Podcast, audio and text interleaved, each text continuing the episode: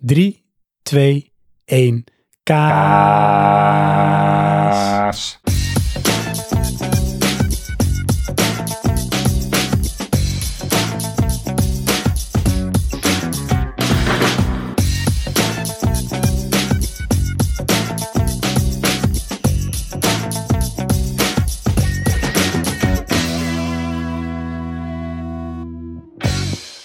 Ja, daar zitten we. Inderdaad. Maar we zitten niet bij elkaar. Nee, Dit is het, eh, het is- ja, ik, heb, ik moest aan een liedje denken. ik- ik ken een liedje dat irriteert. Nee, nee. Ik moest aan een liedje denken van jouw grote vrienden, van, eh van Dire Straits. Dire Straits. Van Man. You're So Far Away From Me. You're so far away from me. You're so ja. far away. so far away from me. So far I just far away from me. You're so far from me. Alright. Want, uh, uh, lief luisteraar, sowieso welkom Ja, bij welkom. Praatje Podcast. Inderdaad. Leuk hè? Weet je welke aflevering, Johan? Eh 13. Bijna. Je blijft gokken en er komt Oh. een dag dat je het goed hebt. 1312. Bijna. Jij zit echt heel dichtbij hoor. Aflevering 48, Johan. Man. De reguliere aflevering 48, maar in totaal hebben we iets van 116 opnames. Serieus? Ja, Oh, ja, ja, ja. We zijn en één per jaar based. kun je nagaan. Ja, dat is ongelooflijk. Ja. Ja, het- op een gegeven moment dan eh even na je dat of zo. En dan ga je over je eigen records en spring je over je eigen schaduw. Mhm. Dat soort dingen. Maar eh, aflevering 48, Ja? met eh, straks in het hoofdonderwerp ehm videogame, ja, box art, cover art, you name it. Ja. Eh, hoesjes, Inderdaad. eh, vormgeving van eh, de spellen waar in een doosje waar ze in zitten. Dat soort dingen. En wat we daarvan vinden. Ja. En eh, onze lieve luisteraars ook. En die vinden er ook wat van. Ja, die vinden er ehm, heel veel van, viel mij op. Klopt. Maar ik zei al, wij zitten niet bij elkaar. Want normaal gesproken, voor de mensen die vaak luisteren onze podcast, zitten wij gewoon in Praatje Podcast headquarters bij mij. Ja.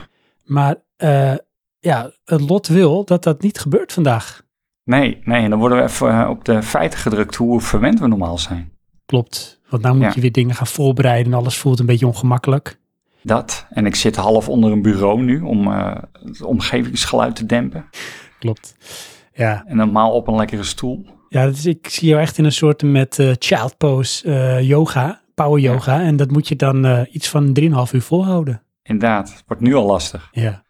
Nee, het, en Mother Nature doesn't give a fuck. Nee, Weet je wel, want eh, dat is het. Eh, het is natuurlijk een storm eh, op het moment van opname. Storm, ja, wat is het? Eugene? Eugene? Eugene. Ja. En ja, precies op eh, podcast opnamedag. Dus ik weet niet wat ze dachten, maar Jammer hè? ja, Ik weet niet wie dit plant, maar dat is echt eh, dramatisch. crap balls. Dus we moesten ja, een alternatief bedenken. En dan hebben we ook tijdens een van de lockdowns, hebben we toen een periode hebben we op afstand opgenomen. Ja, slot omlaag. Slot omlaag. Nou, ga die nog maar eens een keer terugluisteren, lieve luisteraars. En eh, uiteindelijk werkt het wel. Ik vind het toch altijd wel een beetje ongemakkelijk. Het is niet helemaal mijn ding, op afstand Nee. opnemen. Want je mist toch een stukje body language. Ja. En een bepaalde, het, entourage of eh, engagement die eh, Ja. gewoon anders is. Ja, het is net als een meeting op afstand hè. Ja, Het is net niet. nee, ze zeggen wel dat je dan meer to the point bent. Ehm nee, dat gaat bij ons niet op. Nee, dat denk ik ook niet. Eh, maar voordat we eh, naar het hoofdonderwerp gaan, eh, voor de Ja. mensen die voor het eerst luisteren, ze zomaar kunnen, hè? Denk ik een praatje podcast. Nederlandstalige podcast over games, films, muziek, tech en alles daaromheen. Alles Eh, wat waar gaat het eigenlijk over? Eh, nou, ehm, meestal beginnen we eerst met een stukje bijpraten. Ja. Hoor even, weet je, wat heb je meegemaakt de afgelopen tijd? Want het is niet dat Johan en ik elkaar elke dag spreken, hoewel we wel heel vaak eh, whatsappen met elkaar. Vinden. Mhm. Krijgt Johan in één keer 30 whatsappjes van mij. Ja, dan denk ik, oh, en ik beantwoord straks wel. Eh, dus we praten altijd eerst even bij en daarna gaan we naar het hoofdonderwerp. Yes. Ehm, maar ehm, we willen het je wel gemakkelijk maken. Want ben je nou een luisteraar van het eerste uur, dan luister je natuurlijk lekker alles. Maar ben je meer van, nou, ik vind het hoofdonderwerp tof, bijpraten prima, maar het hangt een beetje vanaf waar ze het over hebben. Dan hebben we eh, voor die mensen hebben we dus in eh, de show notes hebben we een tijdlijn en dan kun je meteen doorzeppen als je wil naar het hoofdonderwerp. Ja, heb je echt geen zin, kun je gewoon doorzeppen naar het eind. Ja, dat klopt. Dat mag ook. Vinden we echt niet erg hoor. Hoef je alleen nooit weer terug te komen. Nee. Ehm, en ehm, we gaan het een beetje stroomlijnen. Oh. Want, eh, we hebben toch een beetje, een beetje eh, ja, wat eh, research gedaan. En we kregen wat, wat feedback van wat mensen. En we willen het nu zo doen dat het bijpraten ehm, wordt compacter. Iets van een half uurtje maximaal. En dan het hoofdonderwerp uur, anderhalf uur. En dan gewoon eens kijken hoe, hoe dat bevalt. Wat dat doet met, zeg maar, de dynamiek. Nou, nou is dit een extra uitdaging, want we zitten niet bij elkaar. Maar ja, c'est la vie.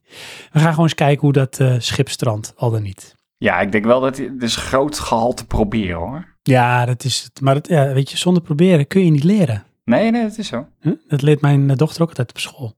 Is dat zo? Ja, dus dat gaan we ook gewoon eens proberen.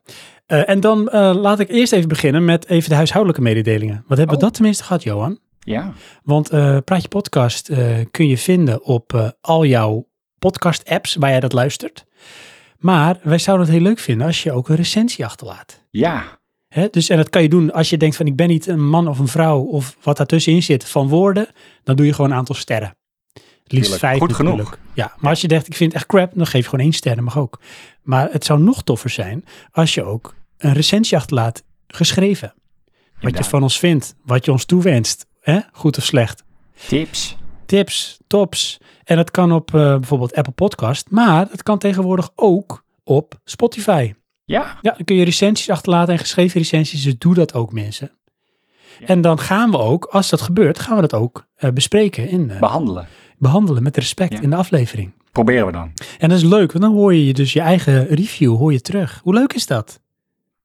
Soms wel, soms Ik denk dat heel veel mensen het toch leuk vinden.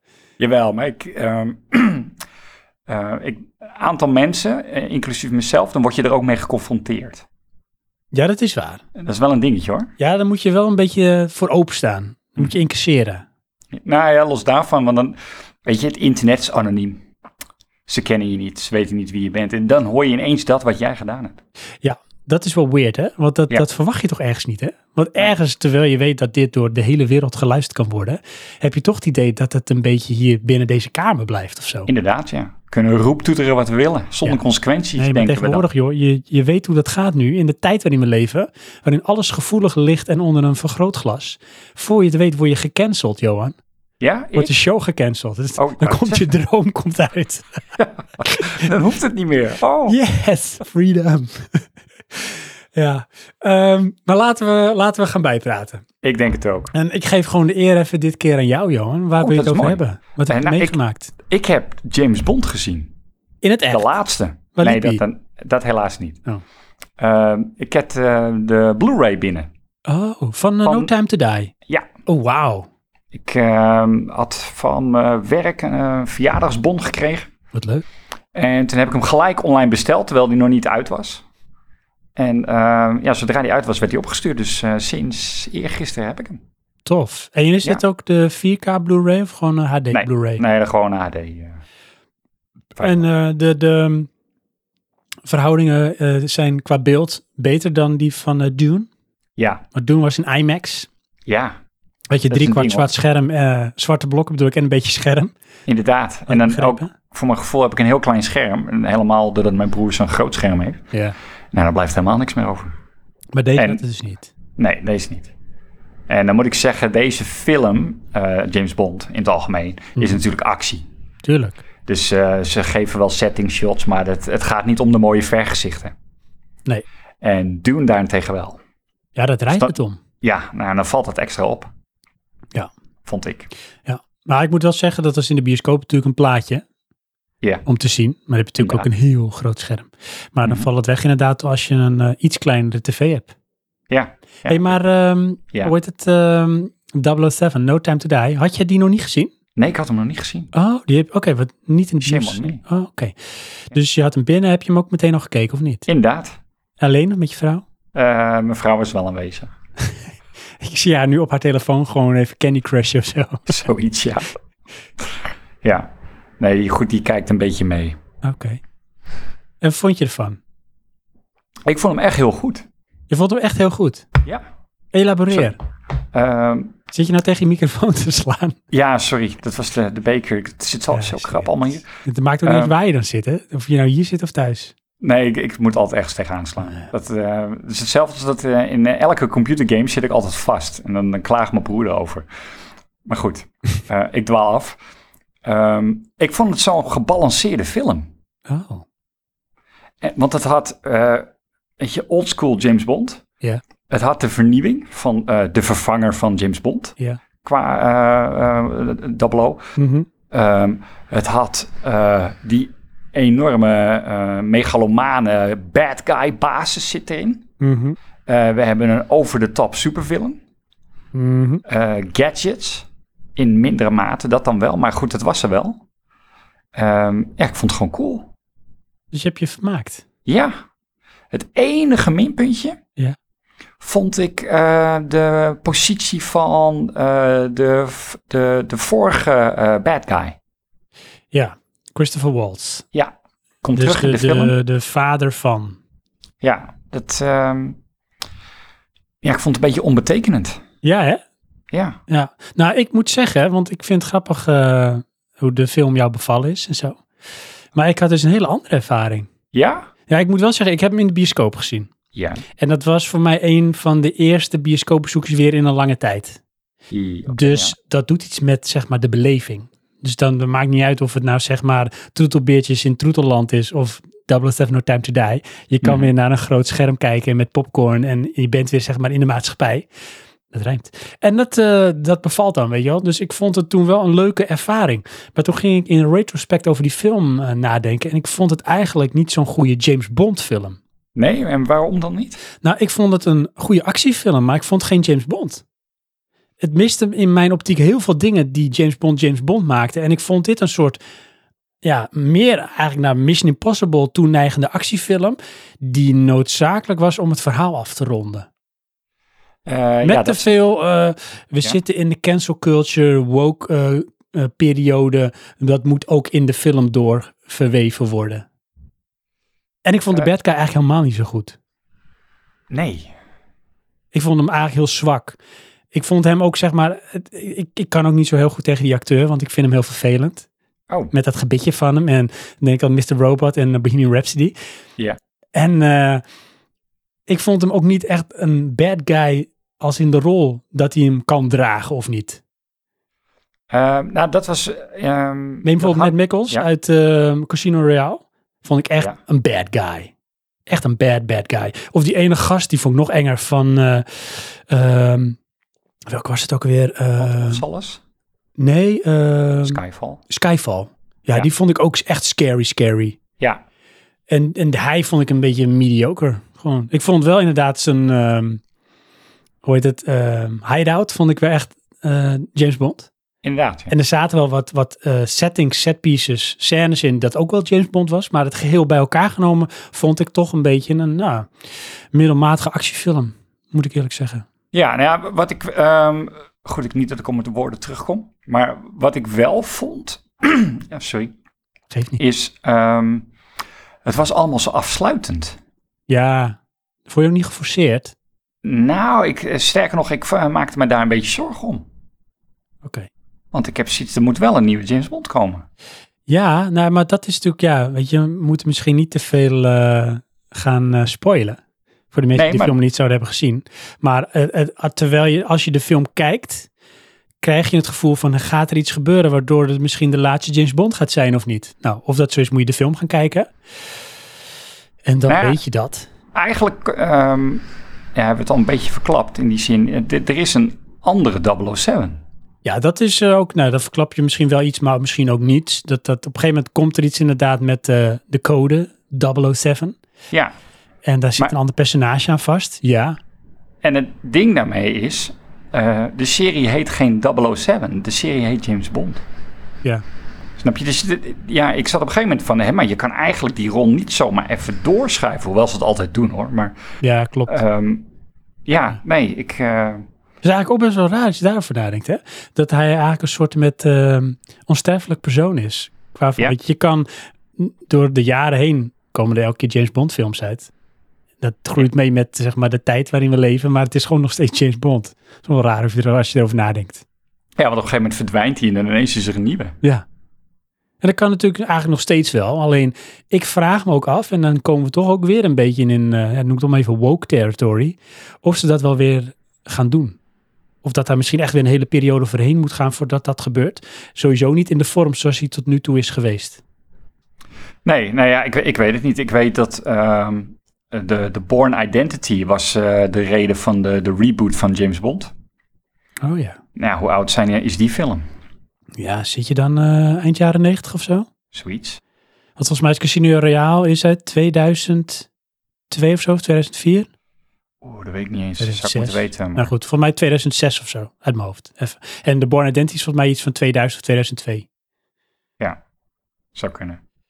Ja, ja ik vond trouwens er ook daar wat van weg hebben. hè? Klopt, ja. ja dat, maar dat vond ik sowieso met de nieuwe James Bond. Ja, In- dat is Van begin af aan. Ja. Alleen, eh, ja goed, ik vind, vind Daniel Craig dan wel goed. Ja. En ik vind ze over het algemeen toch weer, eh, weet je wel, de, de grapjes en de gimmicks. eh, de, de totale formule komt wel tot z'n recht. Ehm, wat ik ook nog, dat wil ik nog wel zeggen, aan deze film weer echt goed vond, is ehm, de trailer. Het meeste daarvan zit in het begin van de film. dat is wel goed.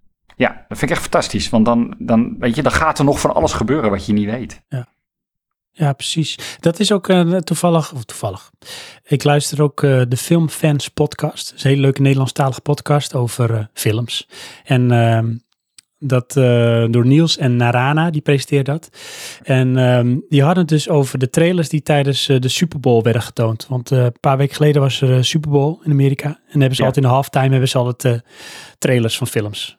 Want dan zit En je natuurlijk in optreden. primetime. Van Dr. Dre Ja, en en Eminem. Eminem. Ja. En allemaal mensen waarvan ik denk, de huidige generatie heeft geen idee wie, Wie zijn. zijn dit? Ja. Ja. Old people. Maar ehm, eh, toen was er dus ook een trailer van een film van Ben Affleck met zijn ex, in het echt ex, maar in die film is het een stel. Eh, maar eh, wat hij vertelde, die Niels van de podcast, was ehm, je kreeg een korte scène uit de film te zien. En dat was de trailer. En eh, net zoals jij zegt van eh, de trailer bestond vooral vanuit dingen vanuit het begin van de film. Het is best wel krachtig als je in een trailer eigenlijk niet te veel, weet je, geen montage, wat het heel vaak is, waarin je eigenlijk de hele film hebt gezien. Mhm. Dat is vaak een soort noodzaak om misschien mensen te trekken. Want anders vallen ze in slaap, I don't know. Maar bij deze film dus met die van Ben Affleck was het gewoon, je kreeg een hele korte scène te zien uit de film. En dat is eigenlijk een soort met een appetizer. Kan je verproeven. En dit is een beetje de sfeer van de film. Bam, weet je wel. Dat vind ik, ah, dat zouden ze meer moeten doen. Ja, als dat lukt, is dat heel goed. Ja, Alleen, ja, ehm, dat is toch ook wel eh, dapper om het zo te zeggen. dat is, dus dat is een beetje een, een gok. En dat doe je dus niet, denk ik, met je AAA blockbuster. Nee. Want dan moet je een heel breed publiek bedienen. Maar je zou er misschien wel meer naartoe willen, want het laat dan veel meer aan de verbeelding over. En dat is ook een beetje een soort bruggetje naar het hoofdonderwerp straks, over game eh, covers. Ja. Dingen aan de verbeelding overlaten. Dat wilde ik net zeggen. hey, maar dat was dus eh, No Time to Die. Inderdaad. Ga je hem vaker kijken, denk je? Eh, ja. Oh. Maar sowieso, ik, eh, ik kijk bijna elk jaar alle James Bonds. Cool. Ja, ik heb van die rituelen. Ja. Ik kijk ook elk jaar de Harry Potter. En dat, dat- weet je, ook alle Batmans. Dus op een gegeven moment ben ik gewoon... Laatst hebben we alle Marvels gekeken bijna. Dat het, voor mij is het ook een aaneensluitend iets, of niet? Ja, Dat gaat gewoon, eh, dan gaan we gewoon door. Ja. Ja.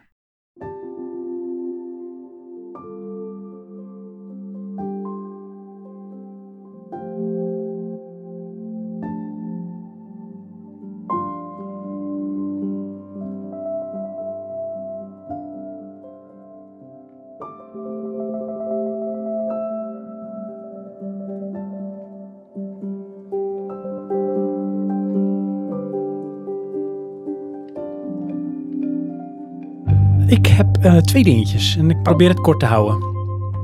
Oké. Ja. Eén is eh, update over eh, een praatje podcast Headquarters.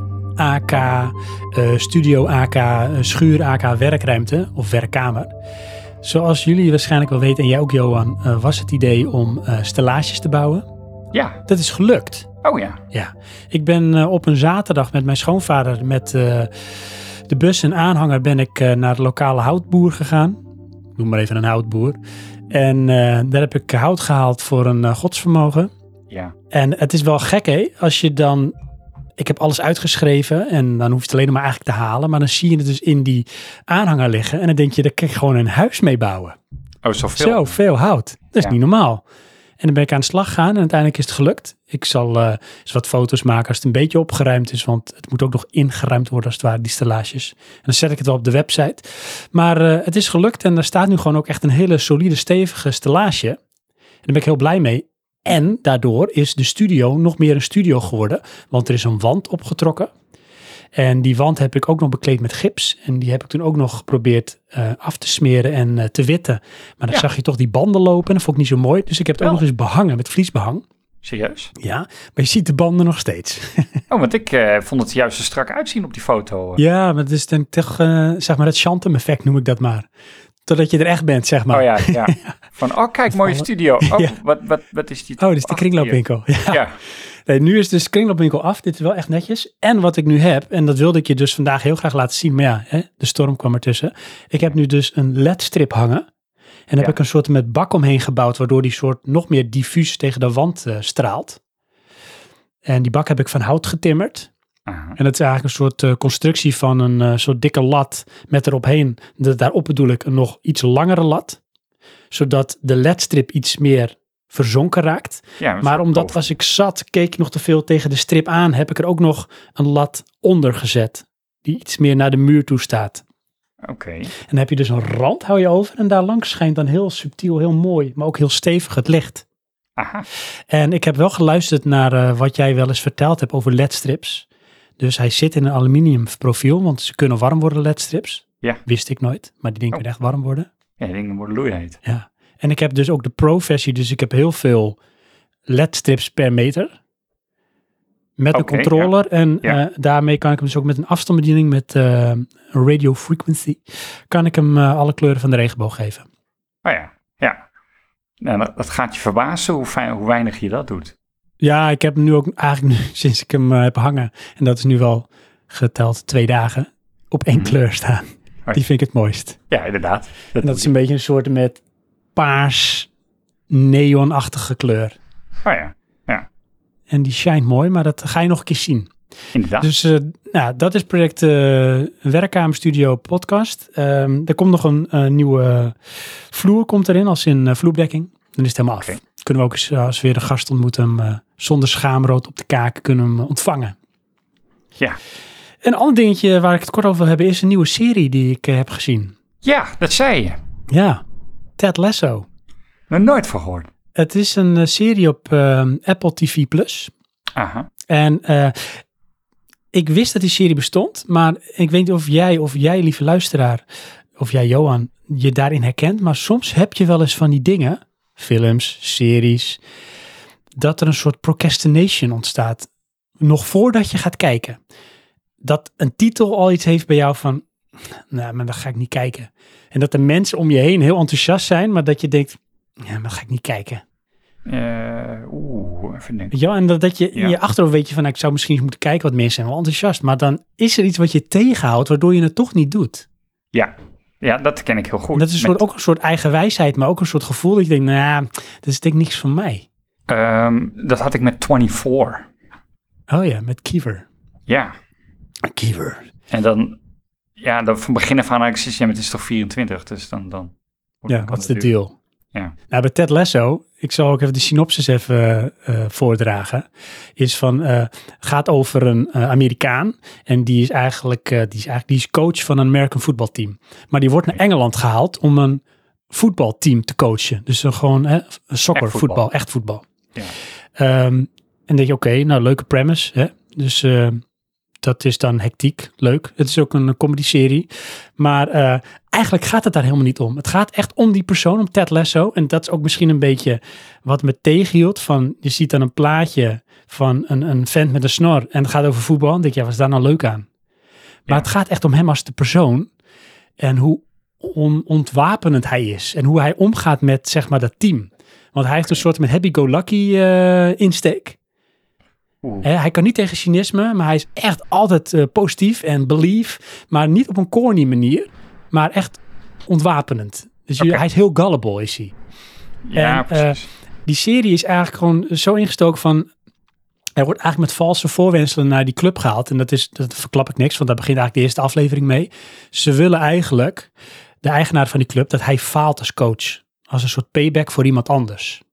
Dus hij krijgt een onmogelijke missie. Maar hij is happy-go-lucky, dus hij gaat gewoon zijn ding doen. En eh, ja, dan gebeuren er allemaal dingen. Alleen het leuke is van deze serie, dit is eigenlijk qua insteek zo'n andere serie als dat ik normaal kijk. Want het is heel erg feel-good. Want normaal kijk je geen veel good. Nee, ik, maar ik, ik, altijd een beetje van, van duister, science fiction, onheil. Maar hoe zit het dan met Brooklyn Nine-Nine? Nou, dit is nou eigenlijk, vind ik, de kwalitatief betere variant van Brooklyn Nine-Nine. Oeh. Brooklyn Nine-Nine is een beetje echt de slapstick Amerikaanse tegen sitcom humor aanhangende serie. Ja, En dit is meer een beetje, nou, het heeft ook wel wat Engelse insteek. Dus de, humor is anders, maar hij is natuurlijk wel een Amerikaan met zijn eh, coach. Want hij, ze zijn met z'n tweeën, die zijn echt Amerikaans. Dus die brengen dat gedeelte mee. Maar het is wel meer, ja, het heeft ook meer de Engelse insteek. Dus het is wat subtieler. Het is, vind ik toch wat meer eloquent. En, ehm, maar het heeft wel, zeg maar, net als met Brooklyn Nine-Nine, ook wel dat happy-go-lucky feel-good. Want dat zit daar ook in. ja. En op een gegeven moment ga je echt van die characters houden. En dan wil je weten hoe het gaat. En dan denk je, waar zit ik nou eigenlijk naar te kijken? Maar het is, het is zo lekker. Je krijgt er zo'n lekker gevoel van. Ja, maar dat ken ik dan wel. Want dat, ja, op een andere manier. Want dat had ik dan met, ehm hoe heet dat nou, met dat huis, Downton Abbey. Ja, Weet je, uiteindelijk ja, waar zit je nou naar te kijken? Het, het is geneuzel voor rijke mensen, gaat toch helemaal nergens over. nou weet je, en dan is zeg maar dat gevoel van als je naar te kijken, dat heeft dit dan ook. Ja. Hoewel het wel een bepaalde insteek en een flow heeft. En op een gegeven moment heb je wel een beetje een idee hoe characters zijn en waar dingen naartoe gaan. Hoewel er toch ook wel wat, zeg maar, wendingen in zitten. Maar de insteek is en blijft van hij is gewoon gullible. Hij is echt van happy-go-lucky en eh, anti-cynisch. Maar weet je, niemand is zo. Dus hij eigenlijk ook niet. Dus wat zit erachter? En ook dat leer je gaandeweg dat daar meer achter zit. Dus het leuke is ook van het lijkt oppervlakkig te beginnen. Maar het krijgt steeds meer diepgang ook, die serie. Wacht even, want wordt het nou niet uiteindelijk toch weer depressief? Ja en nee. Ach, Ja en nee, want het is ook dat ze bij Brooklyn Nine-Nine ook, weet je, dat doen ze ook wel eens een beetje een soort met eh deep dive in de emoties en de characters. Maar daarna is het weer gewoon ook weer, weet je, bam, en we zijn weer terug. ja, oké. En dat is dit ook. Dus eh, heb je Apple TV Plus, kun je dit gaan kijken. Is echt een aanrader. Als je twijfelde, niet twijfelen, ga kijken. De afleveringen duren meestal maar iets van een half uurtje. Heb je nog geen Apple TV Plus, shame on you. Maar dan kun je de eerste aflevering wel gewoon Shame gratis kijken. Want is dit nou? van alles wat ze aanbieden van hun series bij Apple TV Plus, kan je de eerste aflevering altijd gratis kijken. Heb je, hebben ze jou weer ergens betaald of zo? Nee, nee, nee, Nee, ik heb ook geen Apple TV Plus fan. dat maakt niet uit. Nee. Dus dat is Ted Lasso. Ja, maar eh, kleine vraag. Is het oud of is het nieuw? Nee, het is wel nieuw. En eh, ik hoopte dat er al drie seizoenen waren, maar er zijn nu twee seizoenen. En ik heb ze nu ook alle twee gezien. Oké. En seizoen drie is in de maak, komt eraan. Maar moet nog even op wachten. Vind ik altijd zo apart, hè? Van, eh, dat ze al aankondigen dat het gemaakt wordt. Heb je het net over Dune. Wat denk je daarvan? Ja. Ze hebben nu de, de kogels door de kerk, hè? Ze gaan het vervolg maken. Want ze wilden eerst weten van ehm, HBO, volgens mij. Gaat het genoeg Ja. opbrengen? Nou, het gaat genoeg opbrengen. Alleen het duurt nog wel een jaar of drie of zo. Drie jaar? Ja. Oké, ik dacht dat ze al wat verder waren, maar goed. Zal wel liggen. Even geduld, komt goed. Dus. Tot zover bijpraten of moet ik nog een onderwerp beginnen? Nou ja, ik denk dat dit wel mooi is, want er zit ongeveer op een half uurtje. Ja, ik denk het ook. Bewaar ik dat eh, gewoon. Ja, ga ik hem nu even aanpraten richting het hoofdonderwerp. Oké. Yes, dat is echt super awkward. Moet ik gaan beginnen. Dit is op afstand toch ook zo raar. Ja, maar normaal doen we dat gewoon. Hey, eh, dit is een beetje de korte variant dus. Ehm, try on for size, zegt ze dan in het Engels. Wat vond je ervan, Johan? Om het op deze manier eh, wat meer snappy te doen. Ehm, Is het, zit je in een sneltrein of zo? Voelt het gejaagd? nee, nee. Ik eh, zat op een gegeven moment wel met mijn James Bond verhaal dat ik denk, oh, dit gaat toch wel, duurt best wel weer lang. Dat is gek, hè? Het is net met de spreekbeurt. Denk je, hoe ga ik dit in godsnaam volpraten? Voor je het weet, dan Ja. niks mensen stoppen. En dan hoor je zo piep, piep. En dan denk je, wat? Ik, ik ben nog niet eens halverwege. Ja, echt. Ja. Ja. Maar ehm, ja, we gaan naar het hoofdonderwerp. Yes. En ehm, in het hoofdonderwerp gaan we het dus hebben over een eh, best wel een lastig onderwerp. Ja, Kreeg ik ook terug van de mensen die input hadden geleverd. Want ja, hoe ga je nou in een podcast iets wat heel visueel is, bespreken en behandelen? Oh, daar dacht ik niet eens over na. Ik dacht meer van, hè? Wat bedoel je? Dat, ja, en toen ging jij zeggen van, maar je hebt vast toch nog wel dit. En toen dacht ik, oh, zo bedoel je. En het maakt er niet uit, Johan, als je maar nadenkt. Oh, Dat vind ik Oh, wel heel knap. Ja, nee, dat ben ik echt vergeten. Laten we snel doorgaan. Yes. Thank you.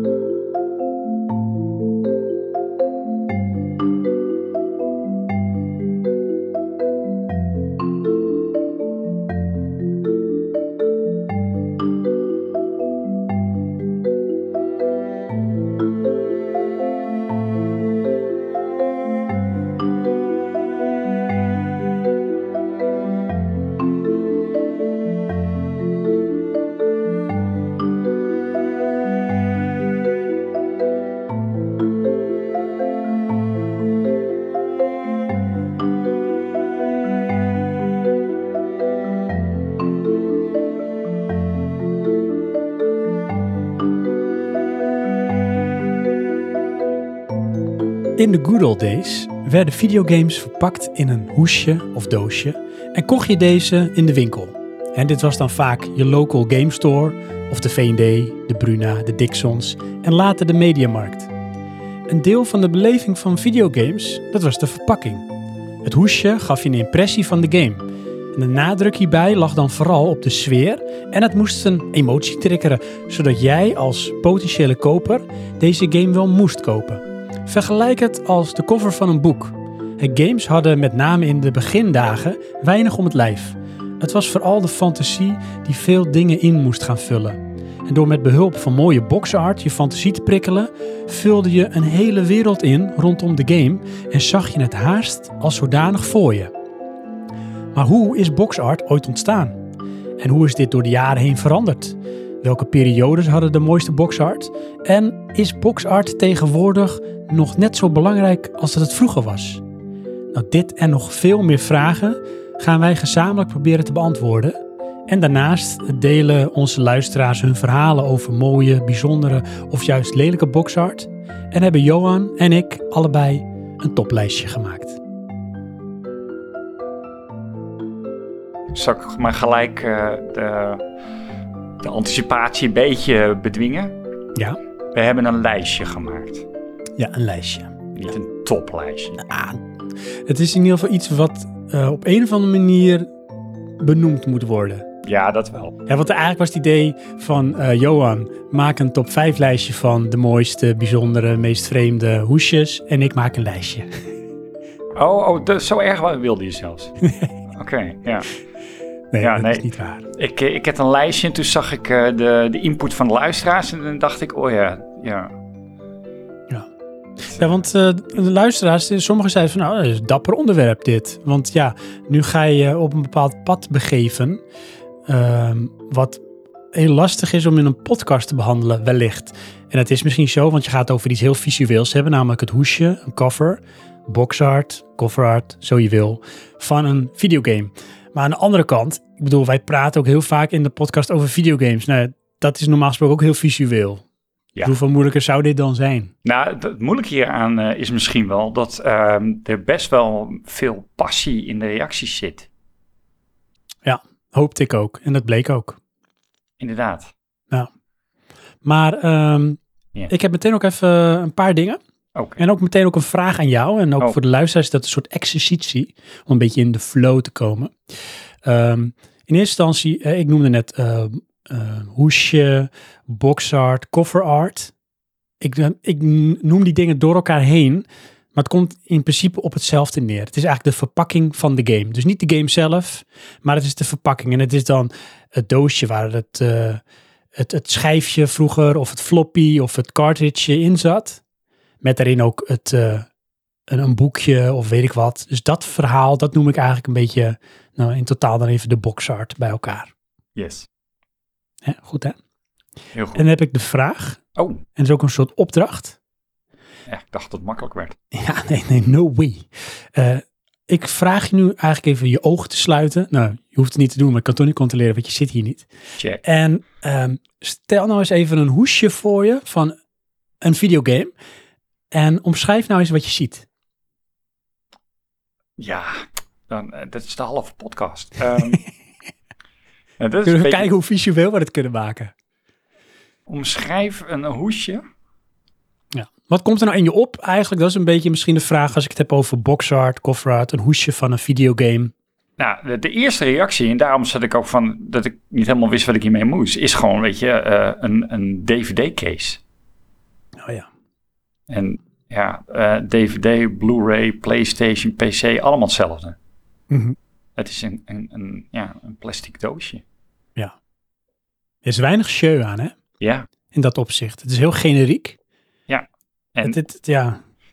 vanuit die zin eh, eh, heb ik daar ook geen drang tot verzameling in of zo.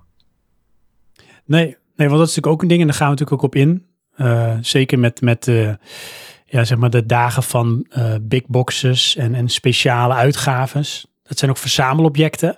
Maar dat kun je niet echt zeggen inderdaad van de periode, nou noem maar even PlayStation 2 en verder.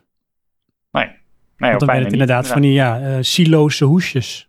Ja. En goed, de, art in het hoesje, dat is dan de box art in dat geval. Maar Ja. ja, ja niet meer onderscheidend. Nee. En dat is ook een goed punt wat je aanhaalt, want dat horen we ook van de luisteraars terug. eh, die we straks ook allemaal gaan behandelen, de input. Dus dank daarvoor.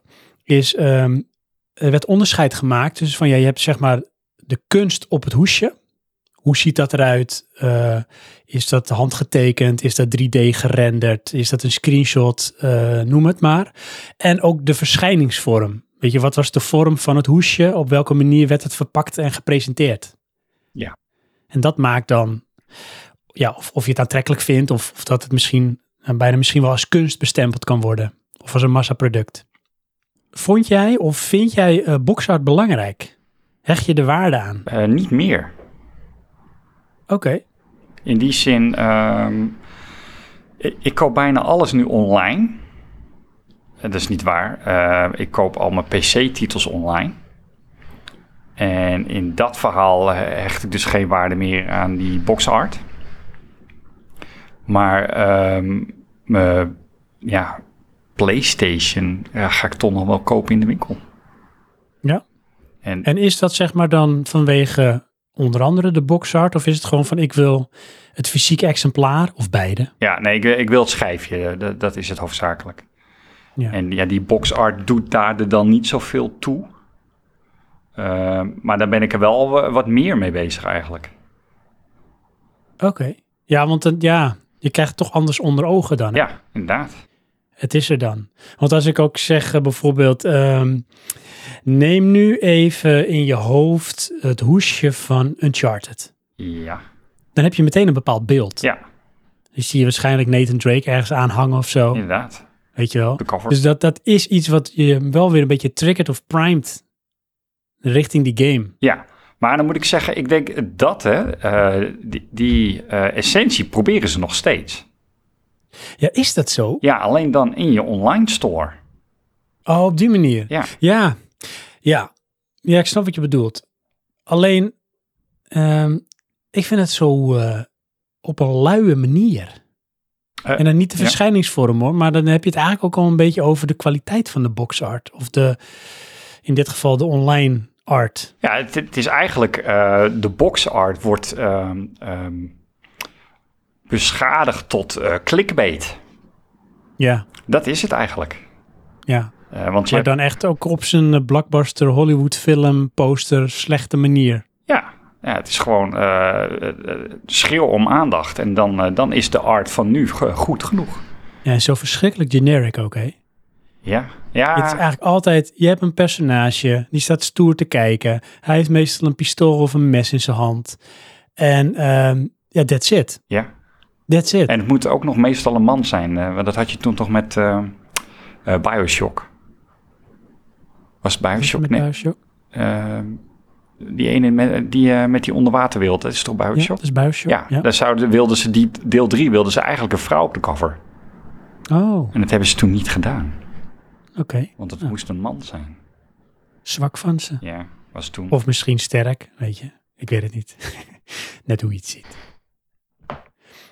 Hey, maar ehm, als je kijkt ook naar het begindagen van, ehm, van Boxart, hè? ik noemde het al in de introductie. Het was vaak een soort, ehm, ja, eh, een, een soort brug tussen zeg maar, de, de simpele onscreen graphics, de beelden die je toen zag, en de fantasie die jij als gamer had. En dat moest een soort, ja, dat was dan je koffer, was dan de, de brug. Ja. Want je had natuurlijk qua games niet zo heel veel om handen. Weet je, het, je had dan, nou, weet ik veel, neem een gemiddelde Commodore 64 game. Ik wil Bruce Lee. Nou, dat zijn een paar pixels en die doen wat dingen. Maar het is nou niet dat je denkt van, nou, het is cutting edge. Maar als je dan bijvoorbeeld daar de cover art bij ziet, dan heb je een bepaalde, ja, een soort haast romantisch beeld krijg je van hoe die game dan zou moeten zijn. Ja. En dan was het aan jou als gamer om dan de rest maar in te vullen. Nou ja, ik denk dat het eh, andersom is. Eh, of nee, in, inderdaad, het is zoals jij het zegt. Die, die, die, eh, die box, die cover art of wat dan ook, die was als het ware jou aan het primen voor de wereld. Ja. En dan, dan vertaalde je zelf die slag naar wat je dan op scherm zag. Je zegt, dat vind ik best wel geniaal. Ja, inderdaad. Want je had niet anders, weet je wel. Maar Nee. ik weet ook niet of je toen überhaupt al in de wedstrijd zat van, nou, weet je, er komen dagen aan, ooit, dan wordt het veel mooier, wordt het lifelike. Nee, nee. Want ik, weet je, ehm, ehm, neem een Doom of eh, Wolfenstein. Dat was fenomenaal in dat moment. Ja. En je was echt niet bezig van dat het nog echter wordt. Had- Nee, daar was je niet mee bezig. Nee. Dat is zo. Dat zit natuurlijk ook aan je leeftijd, onze leeftijd in dat moment. Maar je, je ervaarde dat van, nou, dit, dit is echt het. Weet je, beter dan dit wordt het niet. En het was ook een nieuw fenomeen, hè? want eh, daar begon natuurlijk ook de, eigenlijk het 3D first-person shooter. Ja, Dus dat was al een soort nieuwe openbaring. Ja en En dan zag het er eigenlijk daardoor ook zo anders en dynamischer en ook misschien echter uit als wat je daarvoor gewend was. Ja, maar- Dat je dacht van, nou, beter dan dit gaat het niet worden. Nee, want in, in die setting ging je het voor het eerst pas bekijken vanuit jouw oogpunt. En al die andere games keek je naar een character.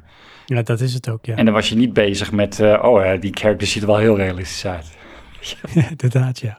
Ik moet wel zeggen dat, zeg maar, in die tijd van ehm, de Commodore 64 of de Atari en ook zelfs nog wel de Commodore Amiga, was ik eigenlijk niet zo bezig met eh boxart en cover art. Nee. Omdat eh, wij hadden eigenlijk alles wel gekopieerd. Ja, ja wij ook. Ik, ik kan me ook herinneren dat, eh, dat je in de winkel keek en dan verbaasde ik me over hoe duur dat allemaal was. Ja joh, echt. Eh, daar snap ik helemaal niks van. Nee. Maar ik kan me wel voorstellen als je dan, dat had ik later toch ook wel een beetje, eh begin tijd PC met big boxes, dat je, ik hechtte toch wel waarde aan hoe een hoesje eruit zag. En het was dan niet een overweging om het wel of niet te kopen. Want meestal wist je dat je een titel wilde halen. En dan vond ik het heel tof als de verpakking mooi was. Ja, klopt. Ja, maar dat was de Want ik kon ook verpakking lelijk vinden, weet je. Dan, dat, dat gaf dan nog een extra dimensie aan, eh, aan dat spel. Ja, maar ehm, eh, kan jij je herinneren dat je een verpakking echt lelijk vond van een game die je graag wilde hebben? Ja, dat is een gewetensvraag. Ik, Ik denk dan dat ik misschien de game nog steeds tof vond, maar dat dan de verpakking minder bleef hangen. Ja, precies. Dan, dan weet je de verpakking gewoon niet meer. Nee. Nee. Kijk, wat als ik nou bijvoorbeeld, eh, neem ik ehm, de eerste Broken Sword. Ik noem Broken Sword zo vaak. Die heeft eigenlijk, en dat zien we ook bij een van onze luisteraars, die beaamt het ook, die heeft eigenlijk niet zo'n hele mooie cover art. En dat is eh, die cover art van eh, Broken Sword deel 1. Ga ik hem even bijhalen. Dat is een, ehm, een soort, ja, een man die een beetje mysterieus jou aankijkt.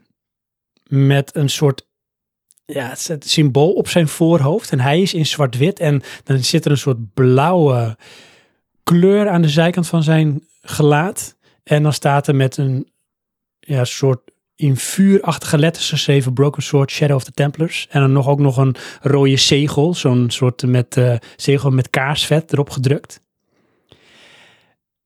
Die vond ik ook, zeg maar, niet iets wat meteen bleef hangen. Maar de game vond ik tof. Ja, Maar neem ik nou bijvoorbeeld eh, de eh, cover van The Dick van LucasArts. ja. Die kan ik meteen voor me zien.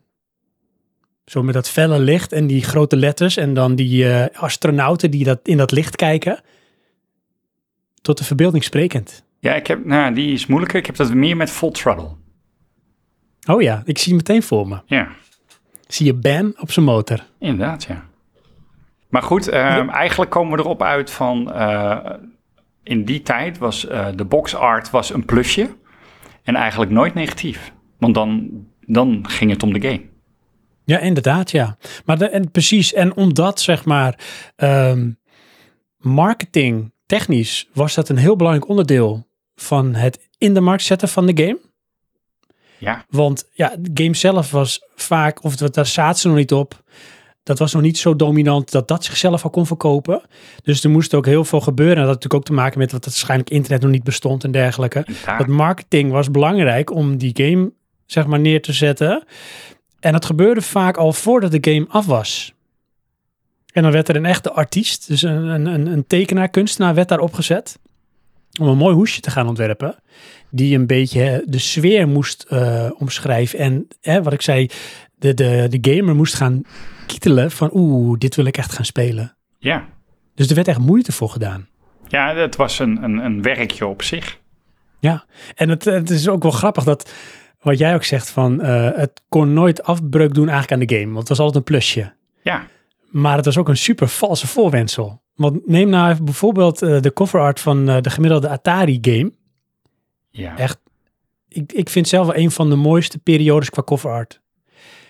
Echt allemaal kunstwerkjes als je het ziet, maar het zegt in zijn totaliteit helemaal niks over hoe die game was. Helemaal niks. Nee, nee, het was gewoon creëren een sfeer en een setting.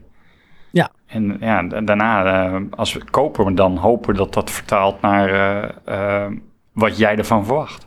Precies, en dan heb ik dus net als met een goed boek, weet je wel, als bij boek heb je het ook, dat er kan een hoes heel mooi zijn en die, dat kan al iets prikkelen of triggeren bij je, waardoor je op een bepaalde manier dat verhaal ingaat. En ik kan me wel voorstellen in die tijd, dat waar games weinig om het lijf hadden, dat je heel enthousiast kon worden van echt een heel mooi hoesje. Dat was al een soort met startpunt van jouw avontuur. En dat nam je dan ook mee in die paar pixels die dan het spel vertegenwoordigden. Ja, Dat was je bagage. ja. Een stukje verrijking vooraf. Ja. En dat zal, zie je ook gaandeweg, graphics worden steeds beter. Games verkopen zich daardoor steeds meer op die manier. Je krijgt internet erbij, dus informatie wordt ook veel makkelijker eh, gedeeld. Screenshots en weet ik wat. Dus de behoefte om de game eh, met heel veel kosten en moeite, marketingtechnisch, met een goede hoes op de markt te zetten, was natuurlijk veel minder belangrijk. Ja, maar ja, klopt. Het werd minder en steeds minder, maar eh, niet onbelangrijk. Nee, want waarin is het dan, denk je, nog steeds belangrijk? Hè? Eh, Is het om een eigen smoel te geven of zo? Ja, het, het, het- in mijn ogen is het nu eh, de trigger van je hebt 40 op een rij en eh, je moet, die art moet zorgen dat je die van hun pakt. Oh, echt hé? Ja, En in, welke era praten we dan? nou, ik denk nog steeds. Oh, serieus? Ja, maar dan niet zozeer in de winkel, maar eh, in, in de stores, snap je? Want eh, kijk, neem, eh, ehm, dat vond ik altijd zo'n nadeel in zo'n zo'n Game Mania of wat dan ook. Weet je, dan heb je een bak met allemaal rijen games. Ja. En dan moet je dan maar doorheen bladeren.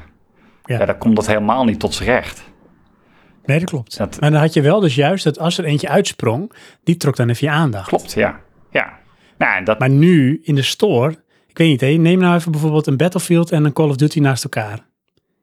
Ja. Nou, allebei super generic, maar dan is het niet van, nou, dan vind ik die van Battlefield mooier, dus die koop ik. En wat je wilt toch al gewoon, zeg maar, je bent een Call of Duty of Battlefield gamer. Dus dan kies je toch diegene waar je toch al voor ging. ja, klopt. Of is het zo dat mensen ook carte blanche een store in gaan, een digitale store, en dan gaan bladeren van wat ga ik nu eens kopen? Nou, ehm, dat denk ik wel, inderdaad. Alleen, eh, dat geldt niet voor de blockbusters. Nee, oké, dat is zo. Weet je, wat je zegt, eh, Call of Duty, mensen kopen dat bewust. Die gaan niet at random per ongeluk Call of Duty kopen. Maar helemaal nu in de indie scène en, en, en al die platformen waar partijen, nieuwe partijen eh, de aardig proberen te trekken. Ja, daar geldt dat nog steeds. Maar zullen ze daar dan nog... eh, want ik heb echt het beeld dat in de tijd waar we nu leven, dat... Weet je, het is Photoshop, drag and drop. eh, het is misschien wel gemaakt door iemand die ook andere dingen nog aan het doen was. Er staat niet echt een, een professionele artist die dat verzorgt. Bij de, bij de big titles, hè. En dan is het gewoon sleur en pleuren en gaan met die banaan. Want ik denk ook als jij, net als met de gemiddelde FIFA of PES, de, de Call of Duties of de, de Battlefields van de jaren eh, naast elkaar legt, dat je niet zo heel veel verschil ziet, maar wel heel veel overeenkomst. Ja, maar het, eh, het grappig dat je dat zegt, want dat vind ik zelf namelijk het sterke ervan. Het heeft een hele eigen spoel. Ja, Namelijk echt sfeerloos. Eh nou, Waardeoordeel. ja, goed, daar kom ik straks op terug met een van mijn, eh, van mijn lijstje.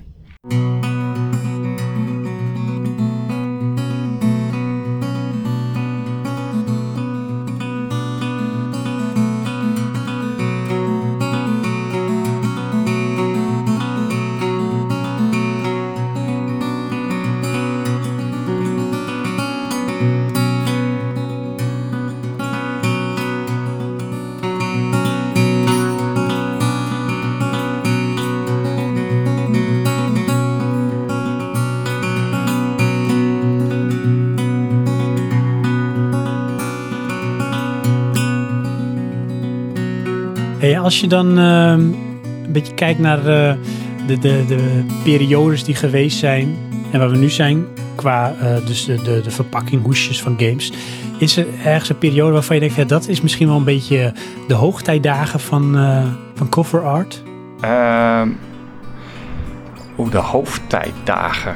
Ehm, nou ja, voor mezelf.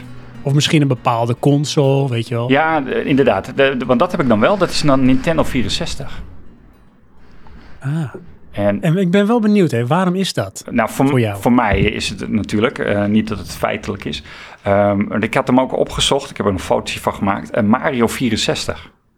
Ik zie je meteen voor me. Ja, en het, het ding is, ehm, die cover art is echt, nou, laten we zeggen, twintig keer beter dan de game qua eh, grafische finesse. Ja. Maar het was wel wat het was. Ja, zeker. En dat was Daardoor voor het was die eerst. denk ik ook heel krachtig. Zeker weten. Want eh, hij, hij ziet eruit op het hoesje zoals Mario nu in Mario Odyssey is. Inderdaad. Die kwaliteit. Ja, Maar dat was Mario 64 niet. nee.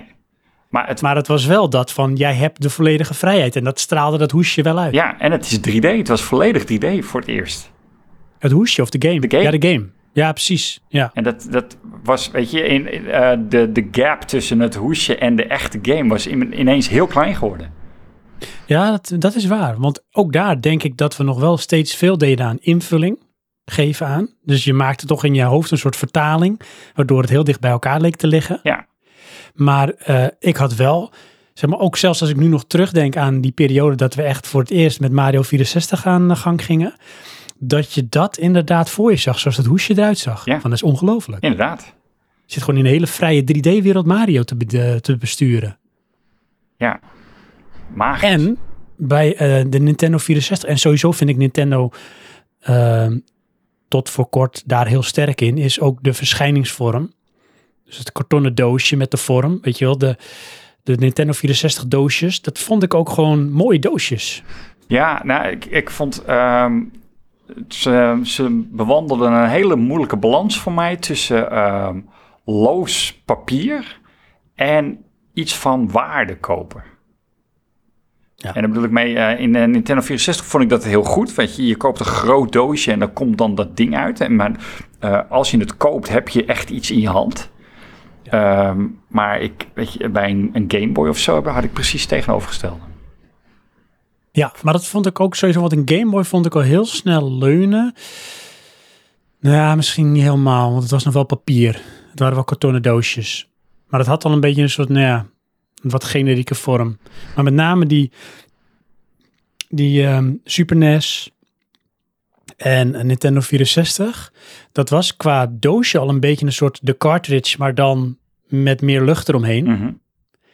En het was papier en eh, op een of andere manier inkt gedrukt op papier. Dat geeft toch een bepaalde elan, om het zo maar te zeggen. Ook een stukje kwetsbaarheid, waardoor ik het mooier vind. Ehm, tegenover bijvoorbeeld wat je nu hebt met je hoesjes van je dvd's en je blu-rays en waar de games eigenlijk tegenwoordig in verschijnen. Dat ziet er zo plastic fantastic uit en daardoor een beetje goedkoop. Ja, standaard. Ja, En en, het grappige is, de meeste mensen die verzamelen, die verpakken hun mooie kartonnen doosjes in plastic. Om ze mooi te houden. Ja, ja zo gaat dat. Ja. Maar ja, je had toen wel, eh, je, Nintendo stond los van de rest. Ja. Want de rest gebruikte cd-hoesjes. En ik zit me ook nu te bedenken, hè, want eh, dat is open verteld. Dan gingen wij bijvoorbeeld naar de Bruna. En, eh, of naar de Dixons. En dan had je daar gewoon echt, dat zie je zo voor je, zo'n schap, zo'n wand met al die big box games. Mhm. En waren die nou ook nog in cellofaan verpakt? Nee. Nee, dat was gewoon Maar- karton. En dat, maar dan slijt het toch waar je bij staat. Eh, Want mensen pakken het, die gaan er naar kijken. Nou, ik koop niet, leggen hem terug. Nou, dat gebeurt dan misschien een paar keer per dag, wekenlang. oh, zo, Zo bedoel je in de, in de... In de, in de store zelf. Nou, bij- bij PC had ik altijd het idee dat het achter de balie lag. Dus daar kon je niet zomaar bij. Ja, wel hoor. Dat was gewoon een rek, die kon je gewoon pakken. Ja, en niet Big, big box PC's was gewoon echt gewoon, er was een wand. Ik weet ook nog, in de, in de Dixons was het volgens mij, je loopt naar binnen en dan was het eh, rechts achter in de hoek. En dan had je gewoon Ja. rijen met van die dozen, allerlei vormen en maten door elkaar heen. ja, maar dat waren gewoon de kartonnen dozen. Ja, toch. Dus Ja. niet in, nog met een plasticje eromheen of zo. Nee, nee, nee. Dat, eh, want het was ook best wel eh, wat geplastificeerd karton en zo. tenminste, de gemiddelde PC-doos dan. Ja. Die, die, ja, Nintendo-dingen eigenlijk niet. Inderdaad, dat was heel slijtgevoelig. ja, dat ook. Ja, want die lagen er ook trouwens gewoon. Hè? Ja. Alleen dan vaak wel zonder de cartridge erin. Nee. Ik denk alleen dat hoesje. Ik, ik eh, volgens mij bij het begin niet eens hoor. Dat zou ook nog heel goed kunnen, dat er gewoon eh, compleet in zat. Ja, ik zie maar het dat ze doen. zullen ze wel door schade en schande van geleerd hebben. Ja, inderdaad. Maar ik vind bij, dus bij Nintendo, die had dat qua stilo, vond ik altijd wel eh, consistent, om het zo maar te zeggen. Van een bepaalde kwaliteit. Ja. Tot eh, de Wii eigenlijk. Of eh, nee, Nintendo 64. Nee, hoe heet die nou? De, Gamecube. De Gamecube, ja, toen werden het. En ik heb hier dus ook een eh, stapeltje met wat eh gamehoesjes eh, voor me liggen. Want ik, ik heb al mijn big boxes. Hè. Ik heb, ja, big box vind ik zeg maar qua verschijningsvorm het mooiste. Qua cover art. Alleen ik heb op een goed moment hier al alles opgeruimd. En alles zat in één grote doos. En die heb ik toen aan Dynamite gegeven. Ik zeg, jij verzamelt, vind je het leuk, mag je het hebben. Anders dan gaat het naar de kringloop. Oké. Ik zei, nou, dat wil ik wel. Dus heb ik hem eh, aan hem gegeven. En eh, het is niet dat ik daar spijt van heb hoor, want het is dan eh, zeg maar ook op goed adres. Ja. Ehm, maar dat, die heb ik hier dus niet meer. Het enige wat ik nog hier heb liggen, dat is wat Gamecube, PlayStation 3 en nog een verdwaald ehm, een Nintendo DS hoesje. Oké. Maar ja, Gamecube was al ja, gewoon een DVD hoesje eigenlijk. Ja, beetje jammer hè. Dan is de seal al een beetje eruit. Ja. Hmm. Zonde, ja. Even kijken. Gaan we nog een stukje door? Ja, of zullen we een luisteraar doen? Ja, dat kunnen we ook doen. Want Want dan is dit een soort eh, eh, tussenmuziekje en dan gaan we door. Ehm Johan, jij kwam met een heel goed voorstel. ja, ik heb, ik Ik heb het beste voorstel van vandaag.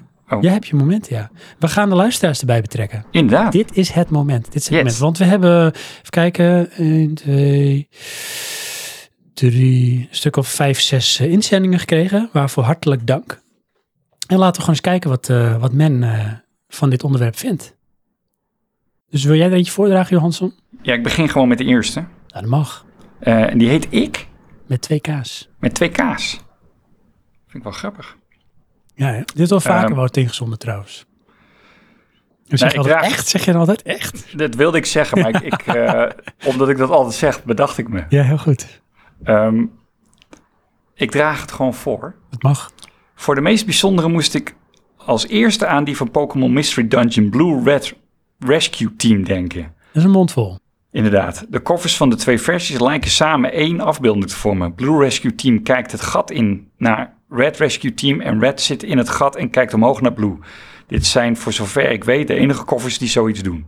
En nou heeft hij er een foto erbij staan en je ziet dus echt sorry, een, een team van Pokémon die over de rand kijkt en een team van Pokémon die omhoog kijkt. Ja, en nou weet ik dus niet hè, of dit nou inderdaad daadwerkelijk zo bedoeld is, of dat dit ook invulling is die je eraan kan geven. Want beide is mogelijk als ik het zo zie. Ja, als het echt is, ben ik echt flabbergasted. Ja, ik vind het wel, ah, kijk, maar dit is nou wel iets, en ik zou het wel Nintendo kunnen toeschrijven, van dat zij zoiets doen.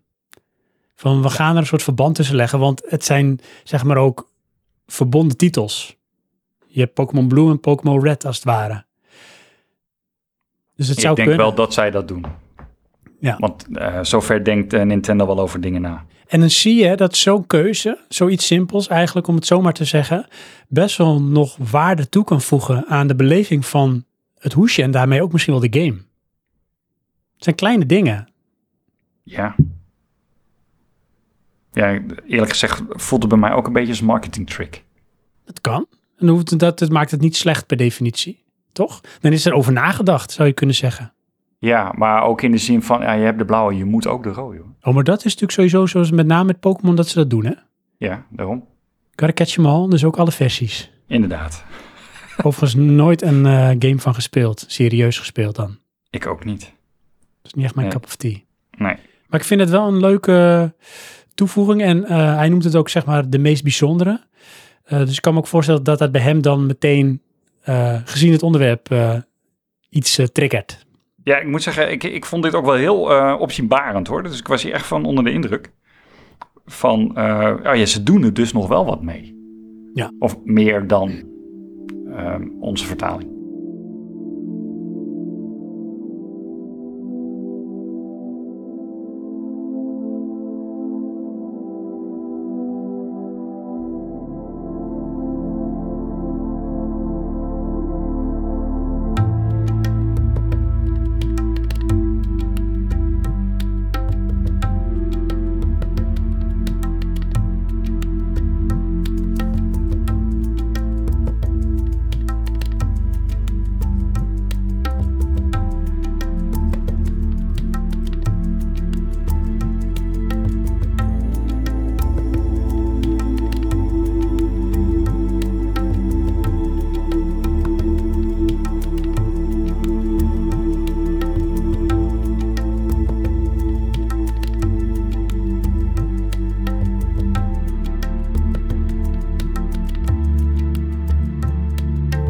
Zullen we er nog meteen eentje doen, Johan? Yes. Dan doen we Arjen 981. Daar is hij weer. Van Main Man. Eh, hij zegt, mijn favoriet is Ghouls and Ghosts.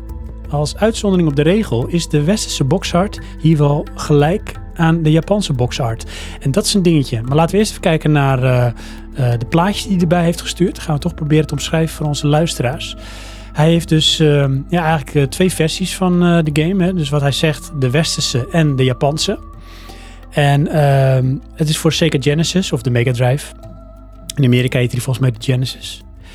En dan eh, zie je dus ja, eigenlijk wel een mooi getekende, ik noem maar even hand-drawn, noem je hoesje van de game. Met een ridder in het goud. En daarachter zie je een soort groot monster en een soort ridderharnas zonder hoofd. En bliksemschichten. En je zou zeggen, het lijkt een beetje op een soort Godzilla-scène. En ehm, die stripboek Storm. Ja. Beetje daartussen. En je ziet wat watervallen en steen. Dus het geeft wel een bepaalde sfeer of een impressie van die game. En het verschil dan, eh, dat is een, eh, de Amerikaanse of de Westerse, denk ik. Ja, dat weet ik zeker, want daaronder heeft hij dan de Japanse. En dan zie je dus ook eh, Japanse tekens. En dat is wel iets wat flamboyanter.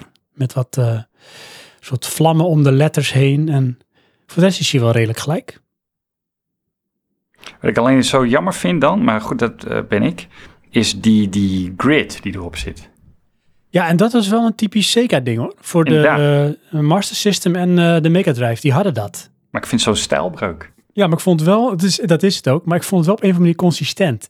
En zoals ik er nu eigenlijk over nadenk, van we hebben eigenlijk een, letterlijk een grid, een tekengrid als het ware, en daarbinnen kunnen we dan zeg maar de ruimte gebruiken om het hoesje vorm te geven. Ja. Dus een soort, het doorbreekt een beetje een bepaalde muur of een dimensie. ja, dat is wel herkenbaar. Ja, ja. Het eh, is toch ook een ding. En dan gaat hij door, zegt hij, ehm, ik, heb, eh, van, ik heb van deze op A3 een print in de gamekamer hangen. Dus van eh Ghouls and Ghosts. En wie is hiervoor verantwoordelijk? Niemand minder dan een tussenhaakjes monster painter Yuji Kaida. Ik ken hem niet, maar het is eh, wel waarschijnlijk een, eh, een bekende artiest.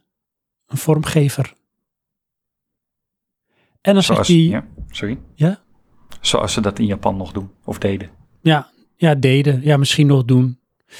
Ik denk dat dat misschien wel meer op een voetstuk staat dan eh, in de westerse wereld. Ja, ik vraag me af of dat er nog überhaupt is, joh. Ik weet Ja, ik filosofeer daar wel eens over. Maar goed, dat is een andere aflevering. ja. Eh, daar heb ik wel iets op te zeggen, maar dat komt zo direct. Eh, want hij zegt verder, Arjen, 981. eh, twee andere prints die in mijn gamekamer hangen zijn deze. En dat is dan ook weer eentje van de Mega Drive en dat is Outrun. Yes. Ook weer met dat inderdaad typische grid van de Mega Drive hoesjes. Mhm. Onderin, dat is dan zeg maar eh, zwart eh, met eh, grijze vlakken. Is dat een Outrun. En Outrun is ook ja, eigenlijk gewoon prachtig handgetekend vormgegeven. Wat ik ook heel goed de sfeer van de game vind vertegenwoordigen. Want dit was Outrun als het ware. Die rode auto die je soort van van achter ziet. En dan een beetje zo'n beach scene. En dan chased je zo zeg maar in 16-bit van links naar rechts. En dan zag je zo de weg een beetje curvend links en rechts verdwijnen. Ja. Ja, een beetje arcade racer was het, hè? Arcade race inderdaad. Alleen dan wel 2D. Ja. Ja. En weet je dan hoe glorieus 3D dit getekend is? Ja, dat, Dat moest je er niet. dan maar bij Dat, verzinnen. daar moest je erbij zien. En die vertaalslag maakte je. Ja.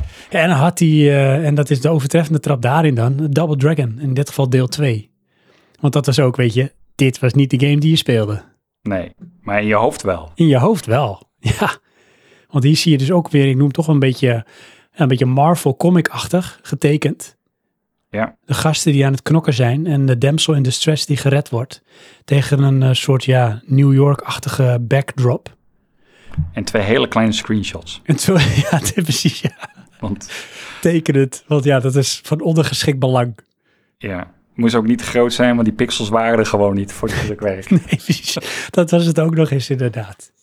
Ja. Ja, joh. Ja, dit zou net zo goed eigenlijk een hoesje kunnen zijn van een comic. Ja, inderdaad. Die van Double Dragon helemaal eh, schreeuwend. Ja. Ja, precies. Trouwens, eigenlijk allemaal wel hoor, want het is natuurlijk hand-drawn. Hè? Dus het, ja. Ja. wat is nou een comic dan? Ja, inderdaad. Want dat, eh, daar wilde ik nog even op terugkomen. Weet je wel, van eh, ja, is dat nog steeds zo? Ik heb wat namen opgezocht van weleer. Noem ik bijvoorbeeld even een Rico Holmes. En eh, voor de rest ben ik de namen kwijt. Maar dat waren de mensen in de tijd van eh, bijvoorbeeld eh, Commodore Amiga. Rico Holmes, onder andere heel bekend van Team 17. Die heeft zo'n beetje alles qua vormgeving gedaan voor zo'n beetje alle games die daarop uit zijn gekomen. Maar hij en ook nog een aantal andere artiesten van toen, dat zijn tegenwoordig allemaal gewoon kunstenaars. Want dat is wat zij deden, weet je. Dat waren kunstenaars, tekenaars. En die maken nu schilderijen bijvoorbeeld. Ja, En dat is maar- misschien toch ook een fase, het evolueert en dan willen ze toch nog hun soort creativiteit op een ander niveau etaleren. Dan ga je vaak kunst eh, maken, schilderen. Ja, oké, maar dat, daar zit wel de nuance bij. eh, hebben ze hun vermogen al vergaard? Ja, waarschijnlijk wel. Dat Ja. en ook misschien toch een bepaalde leeftijd. Klopt, want ik, ik zie toch vaak dat de rijke mensen vooral kunstenaars zijn. Of, eh, hoe heet het, eh, acteurs. Zoals Jim Ja, Carrey bijvoorbeeld. is ook inderdaad. een Ja. Kunstenaar. Ja, wel grappig is dat. Eh, even kijken. Voor, eh, pakken we nog een eh, luisteraar of doen we nog een eh, uitstapje? Een uitstapje. Een uitstapje, alright. Ehm, ja, toch een gewetensvraag. Ik weet niet of ik hem nou al gesteld had, maar dan bij deze. Heb je wel eens een keer gehad, het zij fysiek of digitaal, dat je twijfelde welke game je moest kopen en dat je dan toch afging op hoe het hoesje eruit zag? Of de art die je zag in de store. Dat dat dan doorslaggevend was. Ehm, nee. Zou je daar Nee. wel gevoelig voor kunnen zijn? Eh, nee, nee, want het ging om te veel geld. Dus meestal had ik het al lang gespeeld voordat ik het ging kopen. Oké. Dus dan eh, ging het huren of we hadden een demo of wat dan ook. Dus was wel een man met een missie. Je ging niet zeg maar naar, de, naar eh, weet ik veel, de Bruna of de Dixons van ik heb zin om een game te kopen. Maar ik weet eigenlijk nog niet welke. Nee, nee, dat, dat wist je al lang. Weet je, je duizend en één magazines gelezen. Hij is eindelijk uit, dat wordt hem. En heb je ook nooit bedrogen gevoeld met hoe het hoesje eruit zag en hoe de game was? Ehm, andersom. Dat weet je wel, dan, dan komt die game uit en dan krijg je een hoesje en dan denk je, ja, sorry, maar zo ziet die game er echt niet uit. weet je, maar goed, dat weet ik, dus whatever. Oh ja, het maakt niet uit. Nee. Ja. Nee, we dat te gaan. ehm, ja, het, het, was, het, het was en het is gewoon te kostbaar. Snap je? je? Je koopt niet even een game en ervaart dan dat het toch niks is. Nee. Dat heb je, eh, ja, kom ik toch weer bij nu, heb je dat eigenlijk meer. Ehm, weet je, de, het, de- ik stoor me er ook aan. Je ziet tegenwoordig dat er steeds minder demo's zijn. En dan juist bij de grote titels. Oh, serieus? Ja, nou dan moet je mee zien te komen in een een of andere beta. En dat is dan vaak nog beperkt of zo. Ja. Je ziet ook daarin is ook een heel stuk van de romantiek wel verdwenen hoor. Het is, heel, het is allemaal wel een beetje, eh, noem maar een beetje steriel geworden. En vroeger Ja. had je nog bijvoorbeeld je, magazines en daar zaten dan eh, floppies of discs in. Of je had die, die dus-cd van Dixons en dan kon je de games proberen. Ja, Want dat was de manier zoals je erachter kwam dat die game überhaupt bestond. Of wanneer die uitkwam. En dan kon je ervan proeven. En dat was dan vaak eh, van ja, maar dan ga ik de game kopen. klopt ja. En Ja, het is toch maar- zonde dat ze dat, dat het niet op die manier nog, nog doen. Dat ze je weer in beta's dwingen en zo. Ja, maar dat is dan, eh, weet je, dat distribueren en maken, dat kost allemaal geld. En eh, dat gaat niet naar die studio. Nee, en dat is wel echt denk ik een triple E ding hoor. Want als je kijkt naar bijvoorbeeld indie en dan eh, bijvoorbeeld point and click, want dat bestaat nog steeds. Wil je meer daarover weten, luister vooral onze vorige aflevering. Daar hebben we het eh, volledig over eh, point and click adventure games. Yes. Daar heb je nog wel gewoon eh stevast dat je eigenlijk van al die games de demo kunt spelen. Ja, ja, en je ziet het op PC ook hoor, bij de wat kleinere studio's, dat ze gewoon demo's uitgeven. En dat is denk ik ook voor die studio's van belang om Ja. publiek te kunnen bereiken. Ja, en die, goed, hoe, hoe ik daar een beetje in rol, het zijn toch vaak titels, die zijn gewoon nog niet klaar. Nou, Nee, kan je alvast meedoen. Ja, precies. Ja, en of ze nemen een risico van eh, het is te groot om het nu meteen op de markt te zetten. We gaan eerst mensen ervan laten proeven, mom's the word. En dan eh, hoop je dat wat meer mensen eh, het, willen, het willen kopen. Ja, vind ik persoonlijk de goede manier. Ja. ja, ik ook. Vind ik wel beter. En dan nog een ander dingetje is, ehm, als we even kijken naar de diverse vormen van hoesjes. Dus je hebt de, de art op zichzelf staan, maar ook de vormen. Eh, big box noemde ik, cd, dvd, eh, boekjevorm, PlayStation 1 format. Wat vond je daar trouwens van? PlayStation 1 format. Dat was een beetje een soort cd-hoesje. Ja, alleen dan groter. Een soort dubbel cd-hoesje. Eh, ja, een soort van. Zoiets was het toch? Nou, het was dikker. Het was eigenlijk een beetje raar, want je hebt die, die echte heel Dixon CD, dubbel CD hoesjes. Ja. Dat is letterlijk gewoon twee CD hoesjes op elkaar. Ja. En een PlayStation was daar dan tussenin. Ja, want er zat vaak dan ook maar gewoon bijvoorbeeld één cd in. Klopt, ja. Ja, die was eigenlijk zo dik als een DVD-hoesje nu ongeveer. En alleen dan in het formaat van een CD-hoesje. Ja. Ja. Wat zou daar de achterliggende reden van zijn geweest om eh, eigenlijk zo proportioneel te maken? Ehm, nee, denk Onderscheid? dat- ja, nou ja en nee. Ik weet het niet. Het is eigenlijk raar als je erover nadenkt. Want we, ze concurreerden met eh, Nintendo en Sega. Ja. En nou, die waren van de cartridges. Ja. Ik vond dat trouwens, en ook met cd-hoesjes hoor, dat dingen waren altijd zo kwetsbaar. Brak altijd een hoekje af. Ja, helemaal die. Ja. En, en dan, weet je, dan boog je hem niet helemaal recht open. En dan, dan, dan barstte dat eh, eh, scharniergewricht. Ja. Of dan haalde je het cd'tje er verkeerd uit en dan waren die palletjes in het midden, die braken. Ja. Die braken dan ook altijd. Ja, het is ongelooflijk. Ja. Ja. Dat is echt crap eigenlijk. ja, het is gewoon prularia die kreeg. Daar betaalde je godsvermogen voor. Ja. Ja. Maar ja, dat was het wel. En toen had je, dat vond ik ook wel mooi. Ik noemde Big Box. Dat vond ik zelf het mooiste. Want daar had je eigenlijk gewoon nou, de creatieve ruimte om het te doen zoals je het wilde. Als uitgever of ontwikkelaar. Want die had je in allerlei vormen en maten. Big Box was niet een soort vast format. Nee, Het nee. was wel vaak dat bepaalde eh, uitgevers, zoals de LucasArts, had wel meestal een bepaalde format van hun hoesjes. Oh, dat, eh, dat weet ik niet eh, bewust. Het zou best kunnen hoor, maar dat heb ik niet echt bij stilgestaan. Ja, als ik zo een beetje de Dick, Sam Max, Monkey Island. Ja, Full Throttle volgens mij ook, maar die had je toen later ook in een andere uitgave. Ja, in cd-uitgave toch Ja. wel? Dat ook. En je had, en dat vond ik ook zo grappig, ik weet nog niet of dat nou typisch Nederlands was, of dat dat ook een bepaalde periode was, maar dan had je, had ik van de 11th Hour onder andere en van Kingdom of Magic, dat was zo'n soort langgerekt soort boekje. Oh god, ja. Weet je dat nog? heb je ook nog gehad, ja. Maar ja, dus je had zoiets ook met, met cd's. Ja, ja dat was bij ook met cd's. begin. Ja, nee, sorry, maar ik bedoel met muziek-cd's. Ja, ook inderdaad.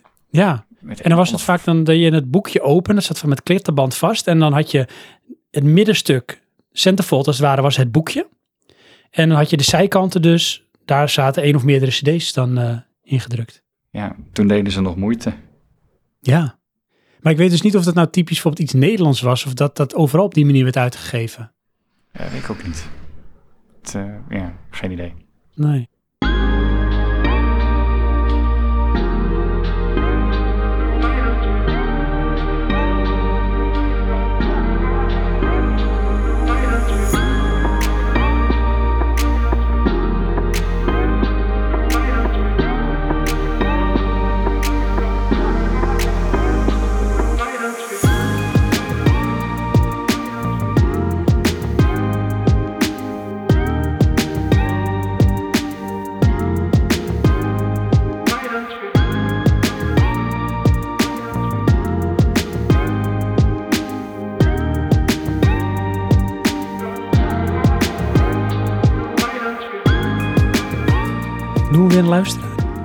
We doen weer een luisteraar. Nou, dan is hij voor jou. Eh, dat is eh, niemand minder dan Dynamite. Ah, daar is hij weer. Ik eh, citeer, ik heb geen favoriete boxart, denk ik. Bij mij is het meestal andersom gegaan door de jaren heen. Ik heb wel boxart die ik heel tof vind. Dat zeker wel. Een voorbeeld hiervan is de eerste EverQuest uitbreiding Ruins of Kunark. Of Kunark. En daar zit dan een plaatje van een, ja, een hagedisfiguur. Ja, hagedis in een En- soort mensvorm. En een soort elfendame, denk ik. Denk het, ja. In een soort met jungle-achtige environment. Ja, het is geen geweldige boxart, al is het zeker geen slechte, maar voor mij is deze wel speciaal, omdat het mij herinnert aan het avontuur dat ik beleefde in die game. Daarom is het voor mij wel een geweldige bo- boxart. Ja, want dat is het, hé. Je hebt natuurlijk ook de, hoe noem je dat? De herinnering die je er misschien aan triggert. En dan kun je dus, wat hij nu heeft in retrospect, iets mooi vinden, omdat het je doet herinneren aan eh, de game. Ja, klopt, dat is voor mij de hoofdzakelijke basis van mijn selectie. Ja, ja dat zou heel goed kunnen. Het is echt, ehm, zo te zien is dit eh, Sony PlayStation, Mhm. deze art dan. Eh, wat mij het meest van PlayStation 1 is bijgebleven is Final Fantasy 7. Oh ja, ja. En dat niet eens de art, maar het feit dat het meerdere cd's was. Oh, op die manier. Dat vond ik echt apart. Want ik kan me nog herinneren dat ik, ik weet niet hoeveel uur al in die game had. En dan was ik nog steeds op disc 1. Zo. Had je toen niet het gevoel van value for money? Ja, inderdaad. Dat is echt eh, een lang verhaal werd het. En was het ook. Maar goed, de tweede stage stonden de credits. ja, drie uur lang af te Ja. Eh, we gaan even door met Dynamite. Nog een voorbeeld hiervan is Fallout New Vegas. Vind ik een geweldige game, maar bijzonder is de box art zeker niet. Nee, dit valt mij onder de noemer generic. Ja. Moet ik heel eerlijk zeggen hoor. Dit is alweer zeg maar 3D rendered. En weet je, sleur en pleur, Photoshop. En we hebben er weer een. Dit zou ik bij wijze van spreken voor mijn gevoel ook kunnen maken. Ja, maar dit is wel nog op het niveau dat dit het mooier is als in-game. Eh, New Vegas, ja, denk het net wel. Want ik denk dat we inmiddels op het niveau zitten dat ze eigenlijk letterlijk een screenshot nemen van de game. Ja, dat is waar. Ja, daar is het steeds meer naartoe gegroeid. Tot het moment dat het zo, eh, zo is. Dat klopt. Dat is dit denk ik dan nog net niet. Dit zou een cutscene kunnen zijn. Oeh, het is. Ja, ik lees even voor, door. Mhm. Wat ik wel tof vind is de creatieve boxart in de zin van de stijl van het doosje. De Commodore 64 was hier enerzijds geweldig in. En aan de andere kant was het een nachtmerrie in je kast als verzamelaar. Van simpele cassettehoesjes naar big box format. Maar ook format, formaten die heel incurant waren. Zoals de Hobbit op Commodore 64. Dat leek wel op een portefeuille. Ja. En En heeft hij ook mooi. een plaatje daarbij. Ja, Je kan het ja, slecht zien. Je ziet een cassettebandje. En een Met soort... een soort inklapsysteem. Ja. Ja. Dus je vouwt eh, het hoesje eigenlijk om eh, de houder heen. Eh, maar ik moet wel zeggen dat ik deze boxes beter kon waarderen dan het tijdperk van de NES bijvoorbeeld. Daarin werden ook soms wel creatievere dingen gedaan, zoals bij Zelda, waarbij er een stukje uit het doosje werd gehaald, zodat je de kleur van de kaart zag. Maar eigenlijk werd het vanaf dat punt alleen maar saaier wat boxes betreft. Helemaal richting de PS2-tijd, waarbij je gewoon een DVD-hoes had. Bla bla bla. Oh ja, op PC zag je nog wel eens art waar relief een rol speelde, maar spannend werd het nooit meer. Nee. Ja, nou dan kom ik, eh, ik, ik ga erop inhaken. Mhm. Eh, gelijk bij mijn PlayStation 2 eh box art. Ja. Dat is Silent Hill en Ico. Ja. Dat zijn bij mij alle twee limited editions. Oh, wauw. En die hebben dus een heleboel art. Die hebben ook kaartjes erin en een, uit, en een boekje en een uitklapding. Ja, en was dat voor jou ook zeg maar eh added value? Eh, dat is wel de reden dat ik een duurdere variant kocht. Ja, dus heb- toch ook wel voor dat je dat dan zeg maar erbij kreeg. Ja, maar ehm, ik was al in die winkel met van wauw, dit wil ik hebben. Mhm. Ik ging dat niet op dat moment nog bepalen. Nee, precies. Dat was ook alweer eh, bewust. Ja, Dus stel dat je nou wel het geld had, maar je had nog niet van tevoren die keuze gemaakt en je ziet dan de twee versies liggen. Eh, ja dan kocht ik de, de mooiere. Oh, kocht je wel de mooiere. Ja, dat wel. Oké. Maar ehm, dan moet ik wel het geld hebben. Ja, precies. Want anders is het natuurlijk ook, dan eh, kies je zeg maar budgetair. Je wilt Ja. de game vooral spelen, zou je misschien nog goedkopere kiezen. Ja, en weet je, als ik daar nou terugdenk, dat is eigenlijk ook erg zonde. Want eh, goed, ik weet niet hoe jij bent, maar ik ben dan van het, ja, dat is echt eh, collectors, dat is eh, zeldzaam. Daar moet je heel zuinig mee zijn. Dus dat wordt ergens neergelegd en daar zit ik dan nooit aan. Oh ja. Nou, ik moet zeggen dat ik zo op die manier inderdaad nooit iets gekocht heb. Omdat met name, ehm, ik kon het wel waarderen voor wat het was, maar ik was daar niet op die manier zuinig mee. Ja, ik wel. En vind het, achteraf vind ik dan altijd jammer. Want dan heb je dat niet ervaren. Nee, precies. Snap je? Want je, je moet er voorzichtig mee zijn. Ja. Ik heb daar echt een soort jeugdtrauma van. Ehm, ik had vroeger een, een, een robotauto. En dat is geen auto die zichzelf bestuurde, maar gewoon een auto met daarop een robot. Ja. En dat, weet je wel, dat zette je dan aan en dan ging dat lawaai maken met allemaal lampjes. En dat had ik gekregen voor Sinterklaas of zo, ik weet het niet meer. Dat vond ik fantastisch. Uh, alleen er moest een grote batterij in. En toen zeiden mijn ouders van, ja, je moet hem niet te lang aanlaten, want dan gaan de batterijen op.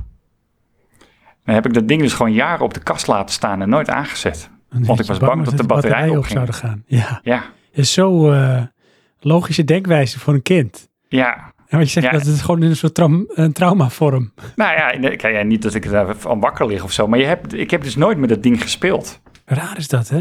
Ja, ook wel logisch, maar zonde eigenlijk. Inderdaad, zonde. En Dat het is hetzelfde als met die, met die, die box art, weet je, van eh, die Silent Hill en die Ico. Eh, goed, ik heb ze nog steeds, maar ja, ik heb er wel eens naar gekeken, maar ik heb er nooit echt van genoten. Nee, wat raar is dat. Dus je, je waardeert wel heel erg de, de kwaliteit en de waarde die het vertegenwoordigt. Maar daardoor is het eigenlijk een soort met, eh, En stop Ja. je bijna in de kluis en dan Ja. eh, nooit naar kijken. ja, zonde. Want dan schiet het ook op die manier eigenlijk zijn doel voorbij. Inderdaad. Want dan, eigenlijk is kunst om van te genieten. Ja. Zo zou het moeten zijn. Ja. Eh, even kijken hoor, want ja, we hadden nog meer, of tenminste Dynamite heeft ons nog meer toegezonden. Mhm. Eh, wat ik later nog wel leuk vond waren PC-games. Ook al zaten ze in een DVD-doosje formaat, waarbij je de voorkant kon openmaken en je deze kon openvouwen, waardoor je screenshots en art zag dat men daar geplaatst had. Vaak met de klittenbandjes zat de voorkant dan vast. En misschien is dat wel diegene die ik ook bedoelde. Die boekjes. Dat zou kunnen, maar ik weet ook dat je het bij ehm, eh, StarCraft 2 had je het ook. Oké, dat weet ik niet. Ja, ik weet, goed, ik heb hem liggen, daarom eh, weet ik dat nu weer vers. Eh, verder dan dat gaat mijn liefde niet echt voor boxart. Het is net als bij vrouwen, het gaat niet om, laat maar. ja, slechte vergelijking, zegt hij. ja, Goed. grappig. Ja. Nee, ik herken dat wel. Ik eh, deel ook wel een beetje in het, het sentiment dat eh, het was een beetje wat ik ook zei vanaf de PS2-tijd, PC-tijd eh, in DVD-format hoesjes was het een beetje downwards. Ja, ik denk dat iedereen dat wel heeft, met, met de nuance dat ehm, in hoeverre kijk je naar het plaatje. Zeker. En in hoeverre heb je dat ook echt bewust meegemaakt? Ja. Die era's. Dan eh, heb je daar misschien meer sentiment of eh, emotie bij dan eh, als je later bent opgegroeid. Ja, toch, je hebt het nog wel, denk ik ook hoor. Maar ik probeer even recent te vertalen. Maar je had vroeger, of nee, je hebt toch nog steeds, ehm, hoe heet het nou, met die laatste Fallout, dat je helemaal met zo'n helm kon kopen. Jazeker, ja. Maar je hebt van al die titels, van veel titels heb je wel echt limited of special editions. Met, met extra tierenlantijn eh, dat je ja, nog steeds eh, een stukje kunst als het ware koopt bij de game. Ja, alleen al belachelijk duur. Maar goed. Ja, ja maar dan moet je dus echt een, eh, ja, een hoe noem je dat, liefhebber zijn van de titel of van het verzamelen aan zich. Ja. Ja, zullen we meteen er nog eentje bij doen? Van de luisteraars? Yes. En is goed, doe maar. Killing Raptor. En Killing Raptor zegt, ja, favoriete boxart. Nu moet ik even denken hoor. Er zijn er wel meerdere die ik heel gaaf vind. De Super Famicom boxart. Dus dat is, eh, wat is het? De Japanse Super NES, Super Famicom. Van Final Fantasy 6. Zeg Ja. ik dat goed? Ja. Ja. Heb ik altijd prachtig gevonden. Hele mooie art daarop en heel wat beter dan wat er in Amerika is verschenen op het doosje. En hij heeft ook een afbeelding bij en dan zie je dus eh, nou ja, Super NES eh, format doosje met inderdaad wel heel mooi vormgegeven eh Final Fantasy. Wat typische Final Fantasy fonts, letters, Squaresoft staat erop en echt mooie hand-drawn impressie. Echt een soort schilderij kwaliteit als het ware van een plaatje. Wat wel typisch aan de Final Fantasy doet denken. En ik vind ook, zeg maar, als ik het zo zie, als dit de stilo is die eh, Super Famicom al het hanteerde, in relatie tot de westerse, vind ik dit mooier. Ja, ik moet, als ik eerlijk ben, eh, de westerse variant kan ik niet zo voor me halen hoor. Nou, voor mij hadden zij niet of op een andere manier die buttons, die kleuren van die, eh, die dingetjes neergezet. En dat was volgens mij meer gekaderd. Dus dan had je volgens mij een vast eh, frame. En daarbinnen had je dan zeg maar een iets kleiner plaatje van de, de game. Ja. ja, eigenlijk toch maar meer al richting eh, Nintendo 64. Ja, en dit is eigenlijk, het hele hoesje is eigenlijk de kunst in eh, de Japanse, als ik het zo Ja. zie. En dan gaat hij door. Hij zegt er nog een Super Famicom doosje, die van Super Metroid. De compositie was veranderd, maar bij, bij ons, zegt hij, maar in Japan voelt het veel meer als een geheel en het ziet er prachtig uit. En dat vind ik bij deze helemaal, want ook dit is gewoon, dit zou gewoon een cover kunnen zijn van een comic. Inderdaad. Super Metroid. Daar kom ik straks ook nog wel op terug bij eh, Metroid Prime voor de Gamecube. Over hit en miss gesproken. Maar dit ziet er gewoon heel mooi uit. En dan zie je dus eh, Samus zie je al schietend eh, een beetje richting eh, ons springen. Met op de achtergrond allemaal monsters. Allemaal ja, cartoony comic drawn. Ja, weet je waar de stilo mij aan doet denken? Nou? Daft Punk. Oh ja, ja, inderdaad. Ja, Die video's die ze toen hadden. Ja, dat is wel een goede omschrijving, inderdaad. Qua kleuren en vorm. En, Alleen ja. nog meer monsters. En dan zegt hij eh, daarna nog eh, even een recente in de spotlight eh, zetten. Die van de Ninja Saviors, Return of the Warriors. Die vindt hij ook heel gaaf. Hij zegt het ziet er gewoon stoer uit met geweldige art. En ja, dit is eh, voor tegenwoordige tijd is dit wel een, eh, een, een mooie koffer. Ja, het Dat is voor Nintendo. Switch. Ehm, volgens mij had ik deze titel op de Super NES. Oh echt? Ja, Oké, ja, dat zou dan wel kunnen. ik denk de karakters te herkennen. Maar de Oh, naam eh, ben ik niet helemaal zeker van, dus ik twijfel. Is ook weer een beetje, nou ja, zou comic kunnen zijn. Comic drawn. Wat me ook opvalt, het is van rechts naar links. Ja. Ja, eh, Valt meteen op, zou hè? ik de andere kant op doen. dus maar- Japans denk ik misschien, hè? Ja, dat dat gaat ook alles andersom. Ja, eh, terwijl ik nu terugscroll naar Fallout New Vegas, precies hetzelfde. Ja, maar dan eh Double Dragon weer juist niet. Maar dat vind ik ook eigenlijk weer, hoewel het niet zo is, wel heel Amerikaans. Ik weet niet of dat typisch is, of misschien is wel Japans, Double Dragon. Eh, nou, het is er wel is wel iets eh, ehm, in, in richtingslijnen, inderdaad. Dus cultureel iets. Ja, Maar goed, dat het die kant op werkt. ja. Kijkt misschien logischer. Gevoelsmatig voelt dat beter. Ja. Eh, maar hij heeft nog meer, zal ik nog even wat dingen noemen. Eh, hij heeft ook nog eh, Doom, noemt hij. Ja, die vindt hij geweldig. Heeft hij ook een t-shirt van met die art erop. En ja, Doom vind ik nou echt zo'n iconisch cover art. Dit is nou eentje. Hij staat en het is meteen, weet je, als je iemand die uit die era komt, zoals wij, vraagt dus van doe je ogen dicht, denk aan het hoesje van Doom, dan zie je dit. ja, ja Die dit is letters, echt, inderdaad, die soldier. geschiedenis. Ja. Ja, terwijl En- het misschien niet eens zo heel mooi getekend is hoor, als je het zo ziet. Nou, eh, wat ik hier altijd mee heb, of altijd, want ik kijk hier dagelijks naar, ehm, Die dingen. is als ik mij dit herinner, dan zie ik vooral de letters en eh, de soldaat. Ja. Die monsters zie ik niet goed. Nee, Mijn dat heb ik ook. Ik, inderdaad, inderdaad. Het is, het is eh, Doom Soldier en die letters. Ja, de rest is een vage blur eigenlijk. Ik vraag me af of dat is omdat het vaker meer gekaderd werd of zo.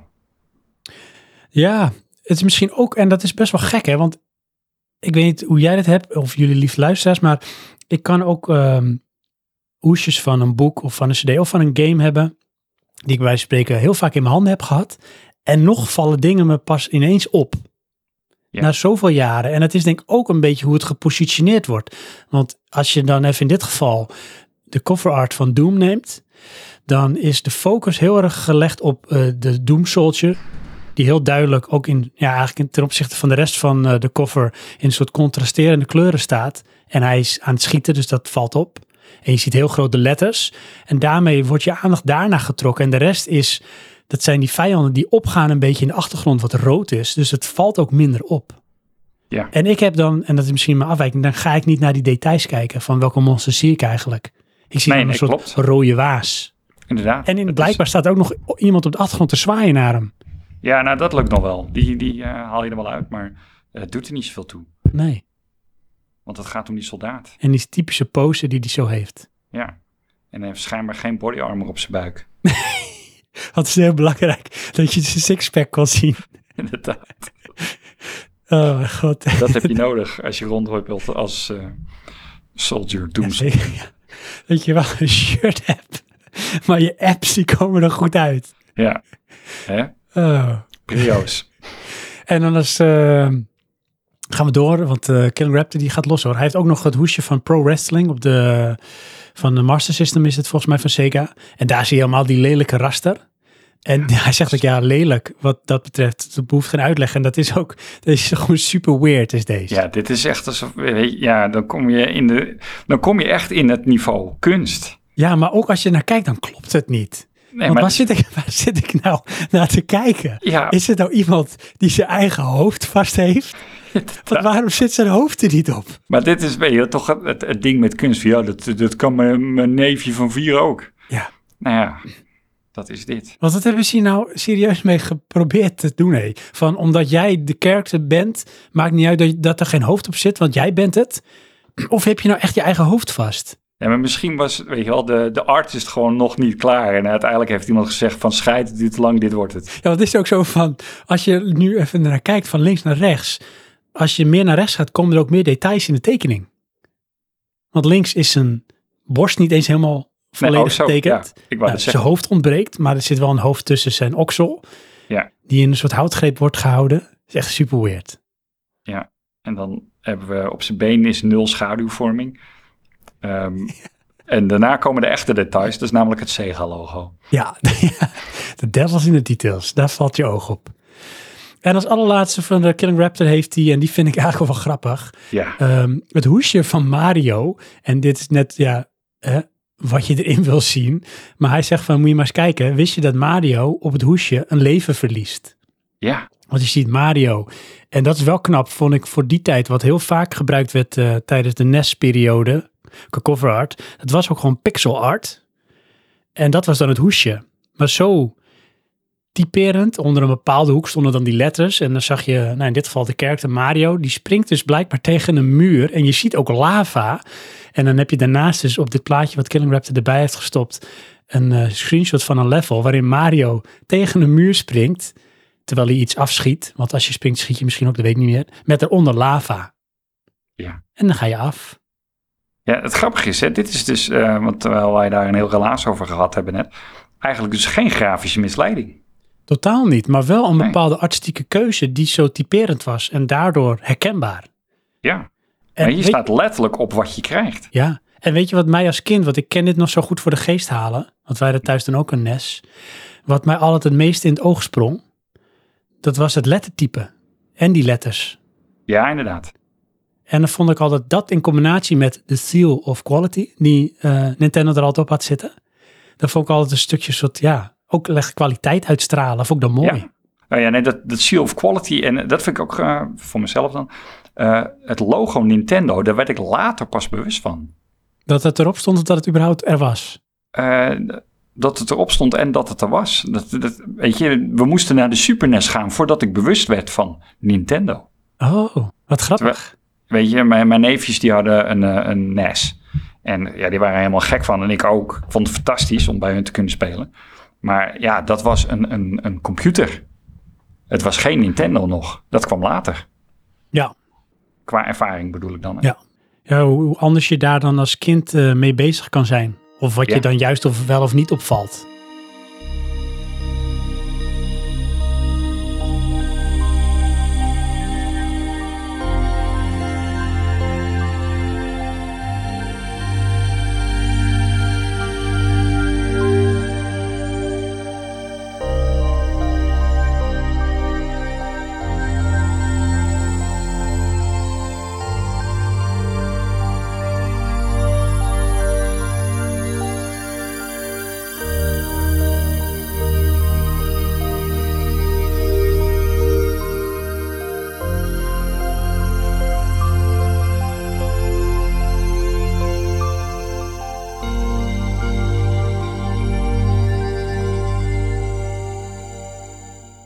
Nou, zullen we meteen ook de laatste luisteraar doen, Johansson?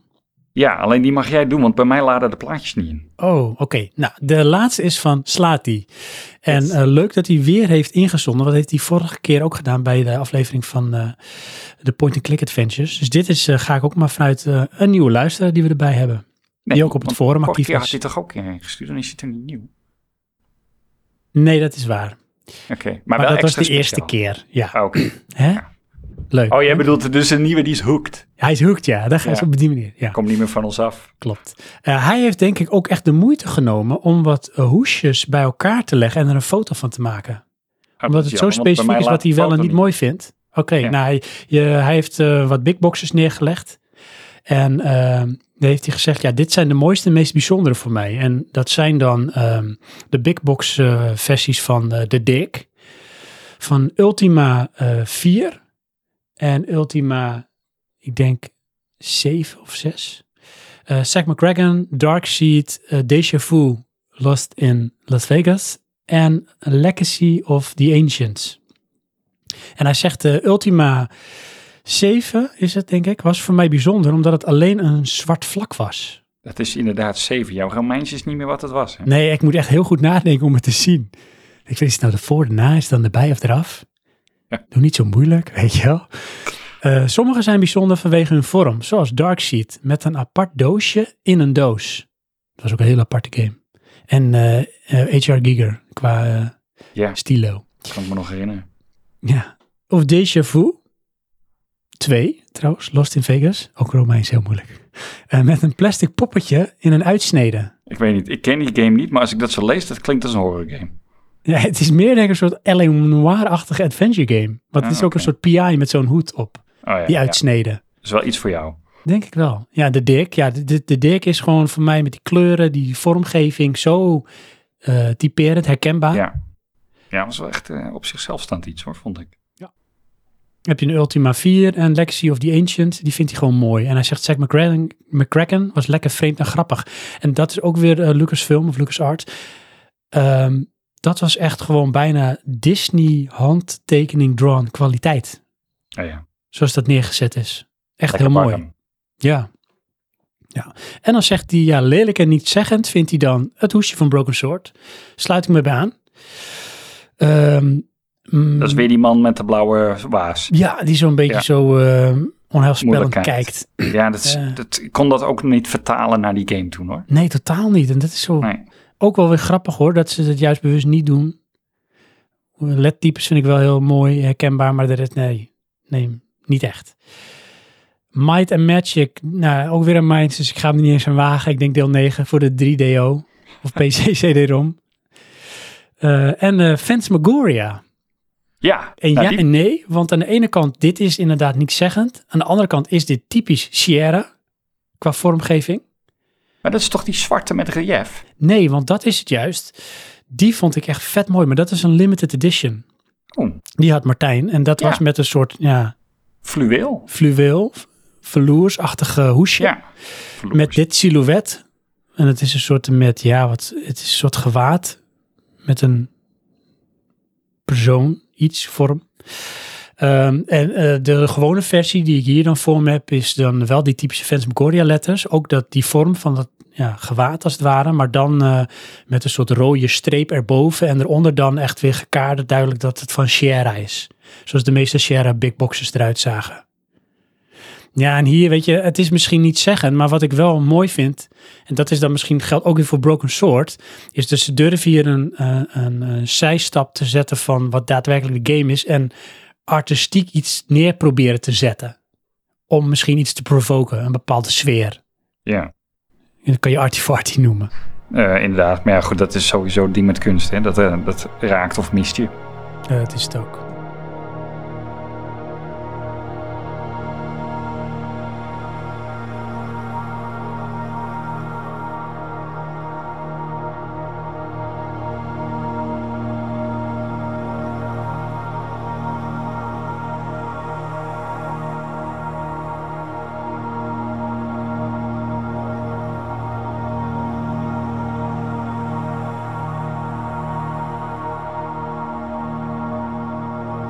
Jongens, we zijn al lekker een eind op weg.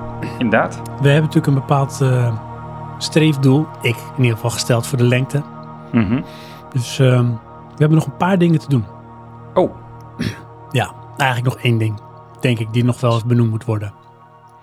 nou. En dat is, ehm, ja, wat zijn voor ons in het oog springende hoesjes of hoesjes waar misschien een verhaal aan zit?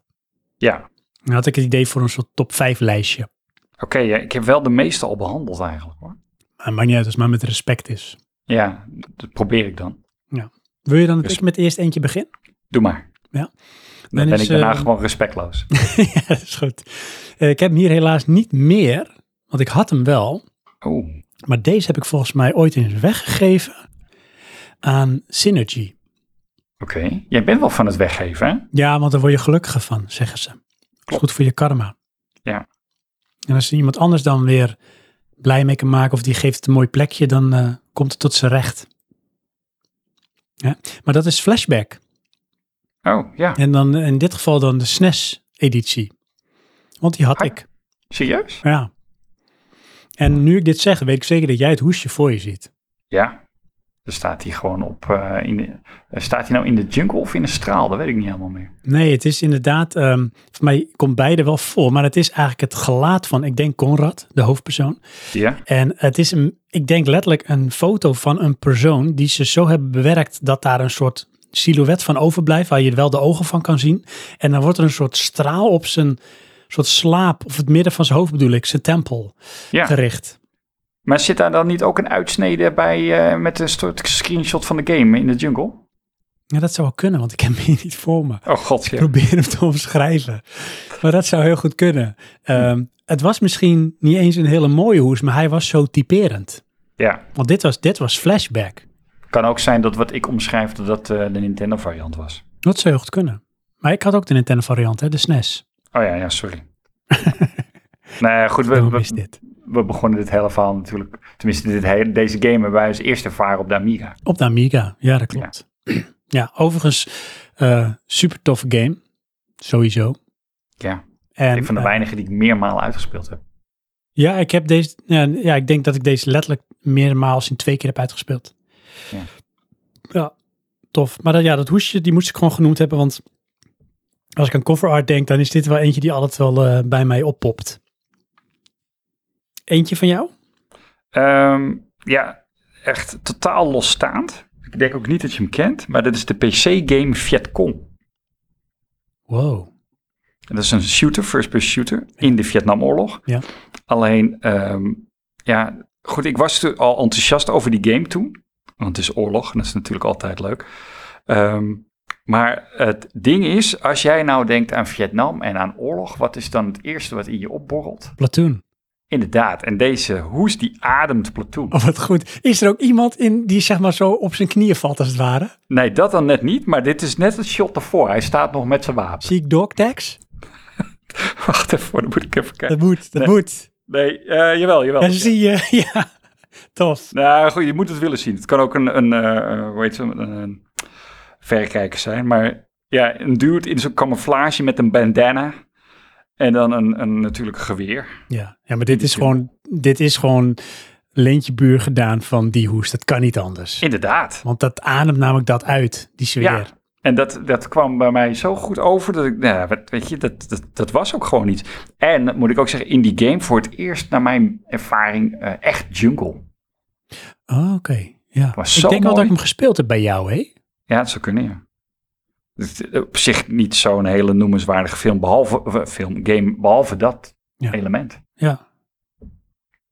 Ja, tof. Dus die, Cool. Heb ik er weer eentje. yes. En eh, dan komen we dus bij eh, Rico Holmes. Die dus, wat ik zei, verantwoordelijk is voor zo'n beetje alle ja, eh, cover art. Maar ik denk eh, visueel gezien ook alles een beetje van de games van Team 17. Eh, en dan ehm, ga ik de hoes een beetje omschrijven. En kijken of jij weet welke game dit is. Oeh, oké. En het is heel moeilijk om dit te omschrijven. En wat je ziet is eigenlijk tanden van iets onmenselijks. De mond, het gezicht. Dat is, het, dat is alles wat ik krijg. Ja, Tanden van iets onmenselijks. ja het, ziet eigenlijk, een- het is een beetje een silhouet, het gezicht van een beest. Oei. Heel, heel subtiel, heel clean. Dit, Ja. dit was maar ook getekend in zo'n stijl dat je vaak ook in die demo zien zag. Weet je, als ze dan plaatjes lieten zien. Oh, ik weet het. Kingdom of Magic. Nee, Geen idee. Alien Breed. Oh, En Alien Breed had zo'n typisch sfeertje qua game. En ik vond die hoes, want dat zag je namelijk volgens mij ook als startscreen van de game. ja. Gaf dit zo'n sfeer, een beetje Alien, als in de film Alien. Ja, Maar ook gewoon dat onheilspellende. En weet je, het was een top-down eh, eh, game. Waarbij je dus eh, door corridors liep en zo. En dan had je aliens die achter je aan zaten. En dit, die hoes, die, die, en dat vond ik met heel veel dingen die Team 17 maakt hoor. Die ademde zo goed gewoon die sfeer van de game. Of die voegde die dimensie toe. Waardoor je nog meer psyched was. ja. Oké. Dus die wilde ik genoemd hebben. Nou, dan heb ik mijn laatste. Ja. Eh, dat is de, het hoesje van Battlefield Bad Company 2. Oh, echt? Ja. En het is op zich niet zo speciaal wat het is, maar wat ik hier zo eh, typerend aan vind, dit is eigenlijk eh, de definitie van de stijl van de Battlefield hoesjes. Hmm. Kun je hem Eh, omschrijven? Nou, ehm, nou, als ik heel eerlijk ben. Ja, nee, jawel, klopt wel. Wat zie je? Je ziet hier namelijk een soldaat opstaan in ja, ornaat. Maar die staat gedeeltelijk, is die met rood brandkleurachtig ingevuld. Oh, oké. En eh, vanaf dat moment gingen ze dat, eh, zijn ze dat blijven doen. Oh ja. En een soort van, weet je wel, een verkleuring op eh, het totaal. En ik, ja, ik vond het een hele mooie stilo. En dat doen ze nog steeds en dat blijf ik ook tot nu toe mooi vinden.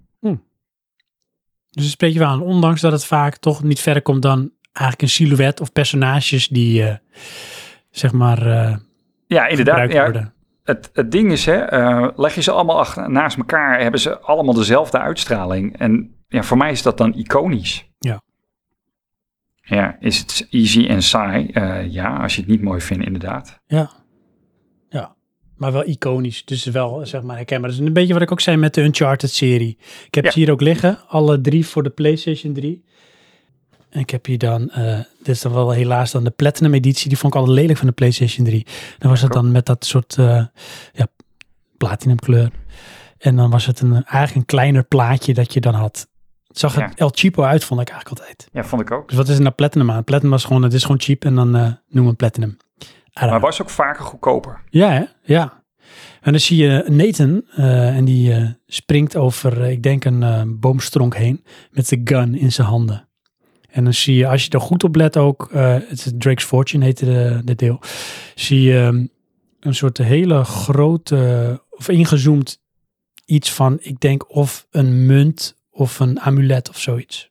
Ja, dat zal toch wel die, die munt zijn, want dat, dat- die volgt hij dan toch of zo? Dat zal het zijn. Games lijken allemaal zo op elkaar. I Ja. don't know. Maar- Heb je deel 2? Weet je nog hoe deel bij de 2 eruit ziet? Ehm, ik denk Nathan Drake. Klopt, ja. En wat doet hij? Want Ehm, we- 2 begint ergens. Dat is zo typisch voor deel 2. Zo typerend. Oeh, dat weet ik niet, want deel 3 is met vliegtuig. Klopt, dat is deel 3. Dan heb je ook weer Ja. Nathan Drake. Drake's Deception is dat. En dan heb je dat eh, ja, half vergane neergestorte vliegtuig op de achtergrond in de jungle. In En de deel jungle. 2, of in de jungle, in de woestijn bedoel ik. Oh, ik wou net zeggen. Want dan weet ik helemaal deel 2 niet. Deel 2 begint bij die trein. Ja, dat... Oh god, ja. Weet je wel? En hij hangt, denk ik, als ik hem zo zie, hij hangt, dat zie ik wel. Maar hij hangt denk ik aan die trein. En dat hij dan Ja, naar binnen gaat klimmen. Ja. Was ook... Ik vond dat toen zo fantastisch hoor. Ja, weet je, dat was ook eh, Naughty Dog die eh, ehm, beschikt als geen ander over de, de, de kunst om jou het gevoel te geven dat iets heel episch gebeurde, terwijl het gewoon on rails was, was het eigenlijk. Ja, maar ja, dat, dat was je nog niet van bewust. Nee, dus je had het idee van als ik nou niet snel doorklim, dan stort het zootje in. Ja. En dat kon ook gebeuren, maar het was eh, super scripted. Maar dat maakt niet uit, popcorn vermaken, supergoed. Ja. Maar eh, dat zijn eh, niet degene die ik wilde bespreken. Oh, ik maar heb dat er heb nog wel. twee. Oh, oké. En nog een honorable mention. Oh, daar heb je hem weer hoor. Ja, twee honorable mentions. Nee, Oh. degene die ik ehm, eigenlijk wel mooi vind en, en ehm, typisch. PlayStation 3. Dus niet eh, zeg maar wat ik dan noem de hoogtijdagen, maar een beetje de teleurgang van hoesjes. Maar Ja. deze vond ik dan heel mooi voor wat het deed. En ik ga hem ook weer toch aan je omschrijven. En dan eh, kan eh, een luisteraar misschien ook even meeraden. Wat je ziet is namelijk de titel van de game. Hè? Oh, no shit Sherlock. Maar Ja. ook een poppetje, origami vormpje die daar prominent op de hoes staat. En dat Oh, dat is, ja, ehm, eh, iets met rain, hoe heet het nou? klopt. Heavy Ja. Rain. Heavy rain, ja. En dat draait om. Regen. En de origami killer. Oh, de origami, oh, dat is mij eh, ja, niet goed blijven hangen. Ik vond het niet zo'n coole game. Ah, ik vond het fantastisch voor wat het deed. Namelijk dat ik zei van het zet het sfeertje van Seven zo sterk neer. En daar hebben ze dat dan ook heel veel eh lintje buur gedaan hoor. Het had ook heel veel sfeer, alleen ik vond het geen leuke game. Nee, het was geen leuke game. En dit was ook weer hè, eh, om maar met eh, lineair en eh, scripted te, te praten. Dit is Quantic Dream. En dat is altijd van, Quantic Dream is altijd QuickTime. En van de verhalen. Ja, en de verhalen, verhalenvertellers. En maar op een manier dat van, er is druk op de ketel, je moet wat doen. Maar Heavy Rain is zo'n game, er is een scène en dan is er iemand die ligt in een bad. En het is nog onduidelijk of die leeft of dood is. Maar tijd is schaars. Wordt gewekt die suggestie. Als je niks doet, je zit daar drie dagen, dan gebeurt er helemaal niks. Maar alles in die scène geeft jou een opgejaagd gevoel dat je echt op moet schieten. Zit die game vol van dat soort dingen. Ergens wel knap, maar ook heel vervelend. Maar waarom vind ik het hoesje nou zo mooi? Hier durven ze dus, eh, noem ik maar even artistiek iets te doen. Namelijk heel erg eh sumier, beperkt. De titel van de game in een bepaalde vorm. En dan, waar draait het om? En dat is de Origami Killer. Dit is de Europese versie. Je hebt ook de Amerikaanse versie. In Amerika maken ze alles kapot, hè, sowieso. Ja. Daar hebben Dus- ze altijd zoiets van, ik denk dat iedereen daar full retard is. Dan staan er altijd characters op een bepaalde moeilijke manier op de cover en that's it. ja. En ik, waarom? Waarom durven ze dit niet doen? En het was Oh, ik dacht dat ze hier gewoon, weet je wel, die origami vogel aan een kapot geslagen. Want ze maken in Amerika alles kapot. Oh ja, Nee, hier durven ze artistiek iets te doen, waarvan ze in Amerika al weten van, dat snapt ons publiek niet. Ze zijn te dom. Nee, inderdaad. Er dus als er gewoon, geen character op staat, is het geen leuke game. Want dan is dit waarschijnlijk een game waarin je origami moet vouwen. In eh, Amerika staat de dader erop. ja, Maar dan hoef je dat niet meer te raden. je zegt zo. Dat is echt waar, ja. Oh mijn god. God. En ehm, de laatste, Nou, Die heb ik hier.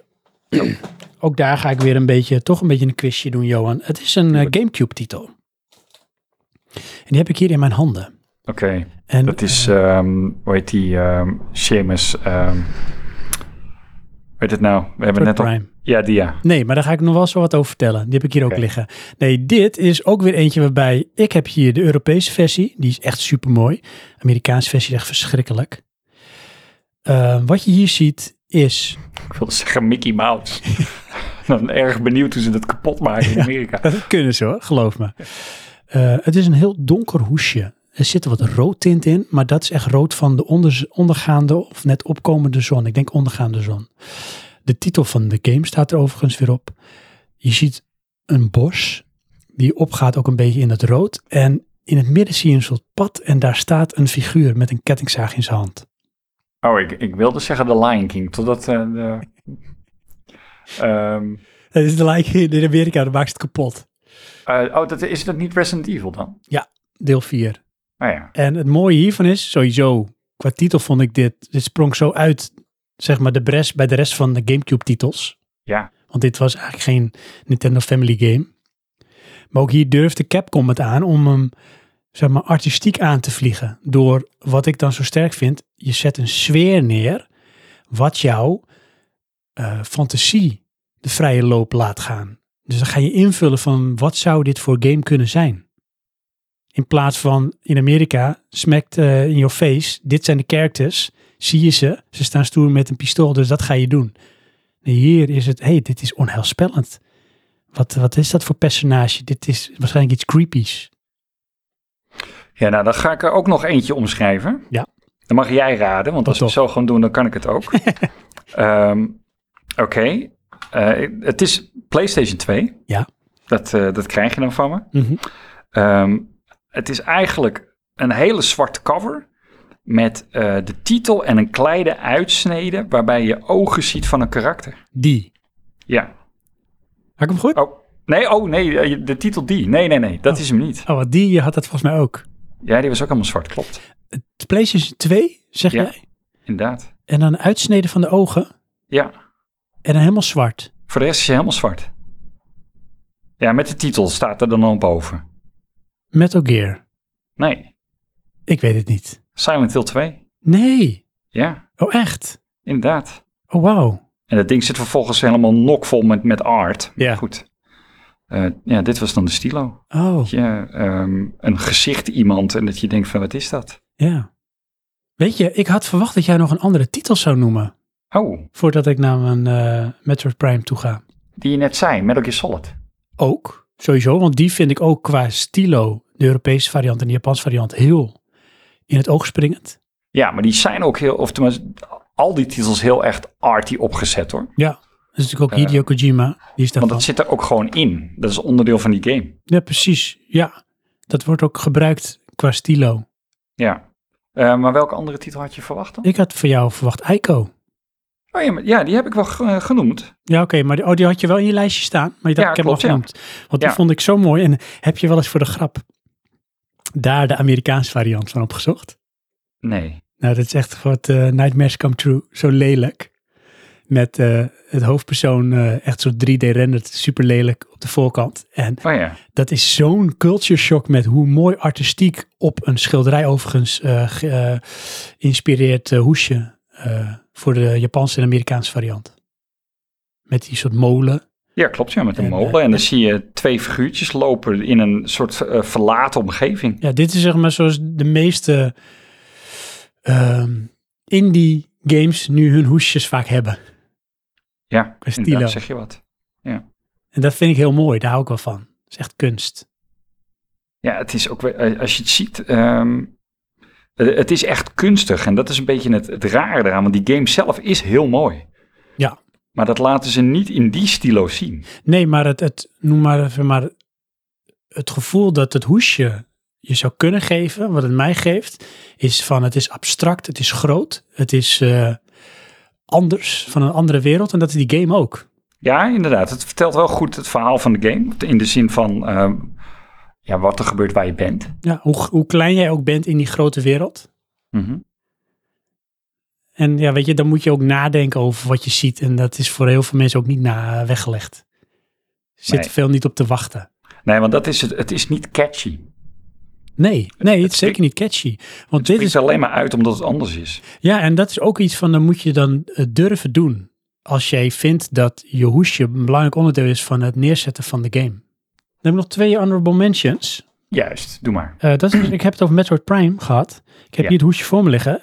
Ik vind het een heel lelijk hoesje. Oké. En dat vind ik zonde. Want weet je nog de intro voordat je bij de titel komt van de game? Oeh, nee. Dan zie je een soort, met, een soort ingezoomd Oh, virus, iets, Klopt, ja, weet dat, je wel, ja. met, met Ja. kleur en dingen. Het zou een beetje nu het coronavirus zou je het noemen als het ware. Ja, want dat, dat, dat vond ik nog zo raar. Want volgens mij staat dat ook in Resident Evil. Dat zou heel goed kunnen, ja. Dat je denkt, dat is bijna hetzelfde. Weet je, nou Ja. dat, dat weten de meeste mensen ook een beetje dan wat ze voor hun zien. Maar waarom hebben ze niet gedurfd om dat in de hoes te verwerken?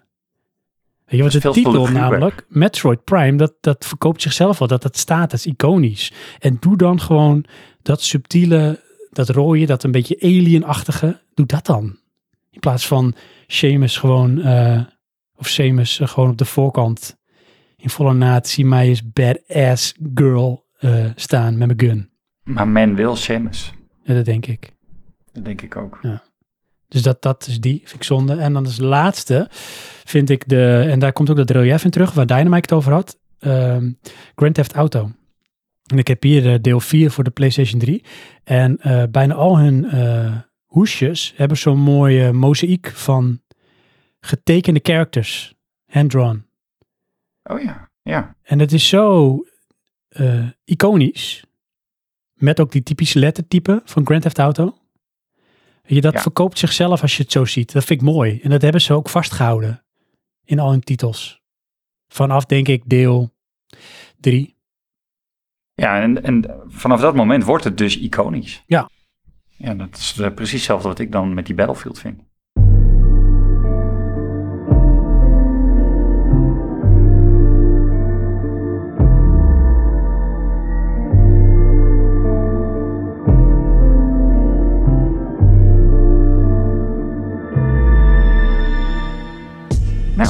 Ja, dankjewel Sven. ja. Dankjewel, Johan. Dankjewel luisteraar. En dankjewel, luisteraars. Apart onderwerp om over te praten. Ja, Eh, weer iets heel anders, is ook wel eens leuk. Ook omstandigheden weer raar, dit op afstand. ja met het- allemaal stormperikelen hier. Maar Ja, dus ik hoop de volgende keer dat het gewoon weer in eh Praatje Podcast Headquarters is. En dan ligt de, de nieuwe vloer er waarschijnlijk ook in. En de zonnepanelen op het dak. En dan is er geen storm, ga ik even vanuit. Inderdaad. Dus zitten we lekker in plaats Ja. van onder een bureau half gehangen. Ja, Hey, en dan eh, gaan we gewoon eens even iets heel eh, out of the box doen, Johan. Oh oh. Ja, ja, dit is echt, ik moet kijken hoe we dit gaan editen. Dan ga, jij, dan ga jij nu zeggen waar we het dan over gaan hebben.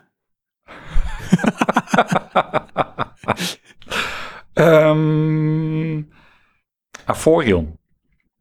Oh, er is een hele podcast. Dat niet. Oh, maar dat komt er wel in terug. Ja, als we het niet vergeten. Ja, dat is goed. Komt goed. Ik denk dat we misschien weer eens een keer een beetje richting eh, film gaan. Zou eens leuk zijn weer. Kan ook, ja. Misschien wat Ja. nog komen gaat of eh, misschien weer een soort oeuvre van iets of iemand.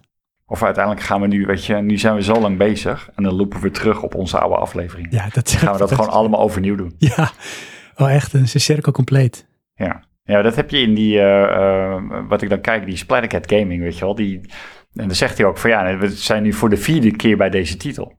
Oh ja, Maar ja, er, er verandert zoveel dat wil ik dan toch weer delen. blijft die terugkomen? Ja. Ja. Het, eh, wie weet. vaak is dat dan wel, dat zegt hij ook, van het is niet zo druk met wat er uitkomt. Dus dan wordt het een beetje een vuller. Ah, je zou ook wel eens een vervolg op iets kunnen doen hoor. Ik vind nog, dat doen ze wel eens bij Button Bash ook, vind ik ook leuk, eh, muziek in games. Oké, ja. Noem maar iets. Of muziek in films. Allemaal van die dingen. Ja, Wie weet. Misschien als luisteraar, hè, jij die nu luistert, eh, heb jij wel een eh, bepaald onderwerp waar je zegt, nou daar moeten jullie eens een keer over gaan praten. Dat kun je eh, op het Buttonbestje forum kun je dat achterlaten. Of je stuurt ons een mailtje naar info.praatjepodcast.nl Of je gaat naar onze website en dan laat je daar maar ergens achter bij de comments. Of op Facebook. Spotify. Mag ook als je een recensie doet, kan je ook meteen Ja. met een suggestie komen. Of Twitter, zitten we ook op. Ook leuk. we moeten misschien ook nog maar eens een keer een Instagram gaan geloven, Johan. Ja, Insta.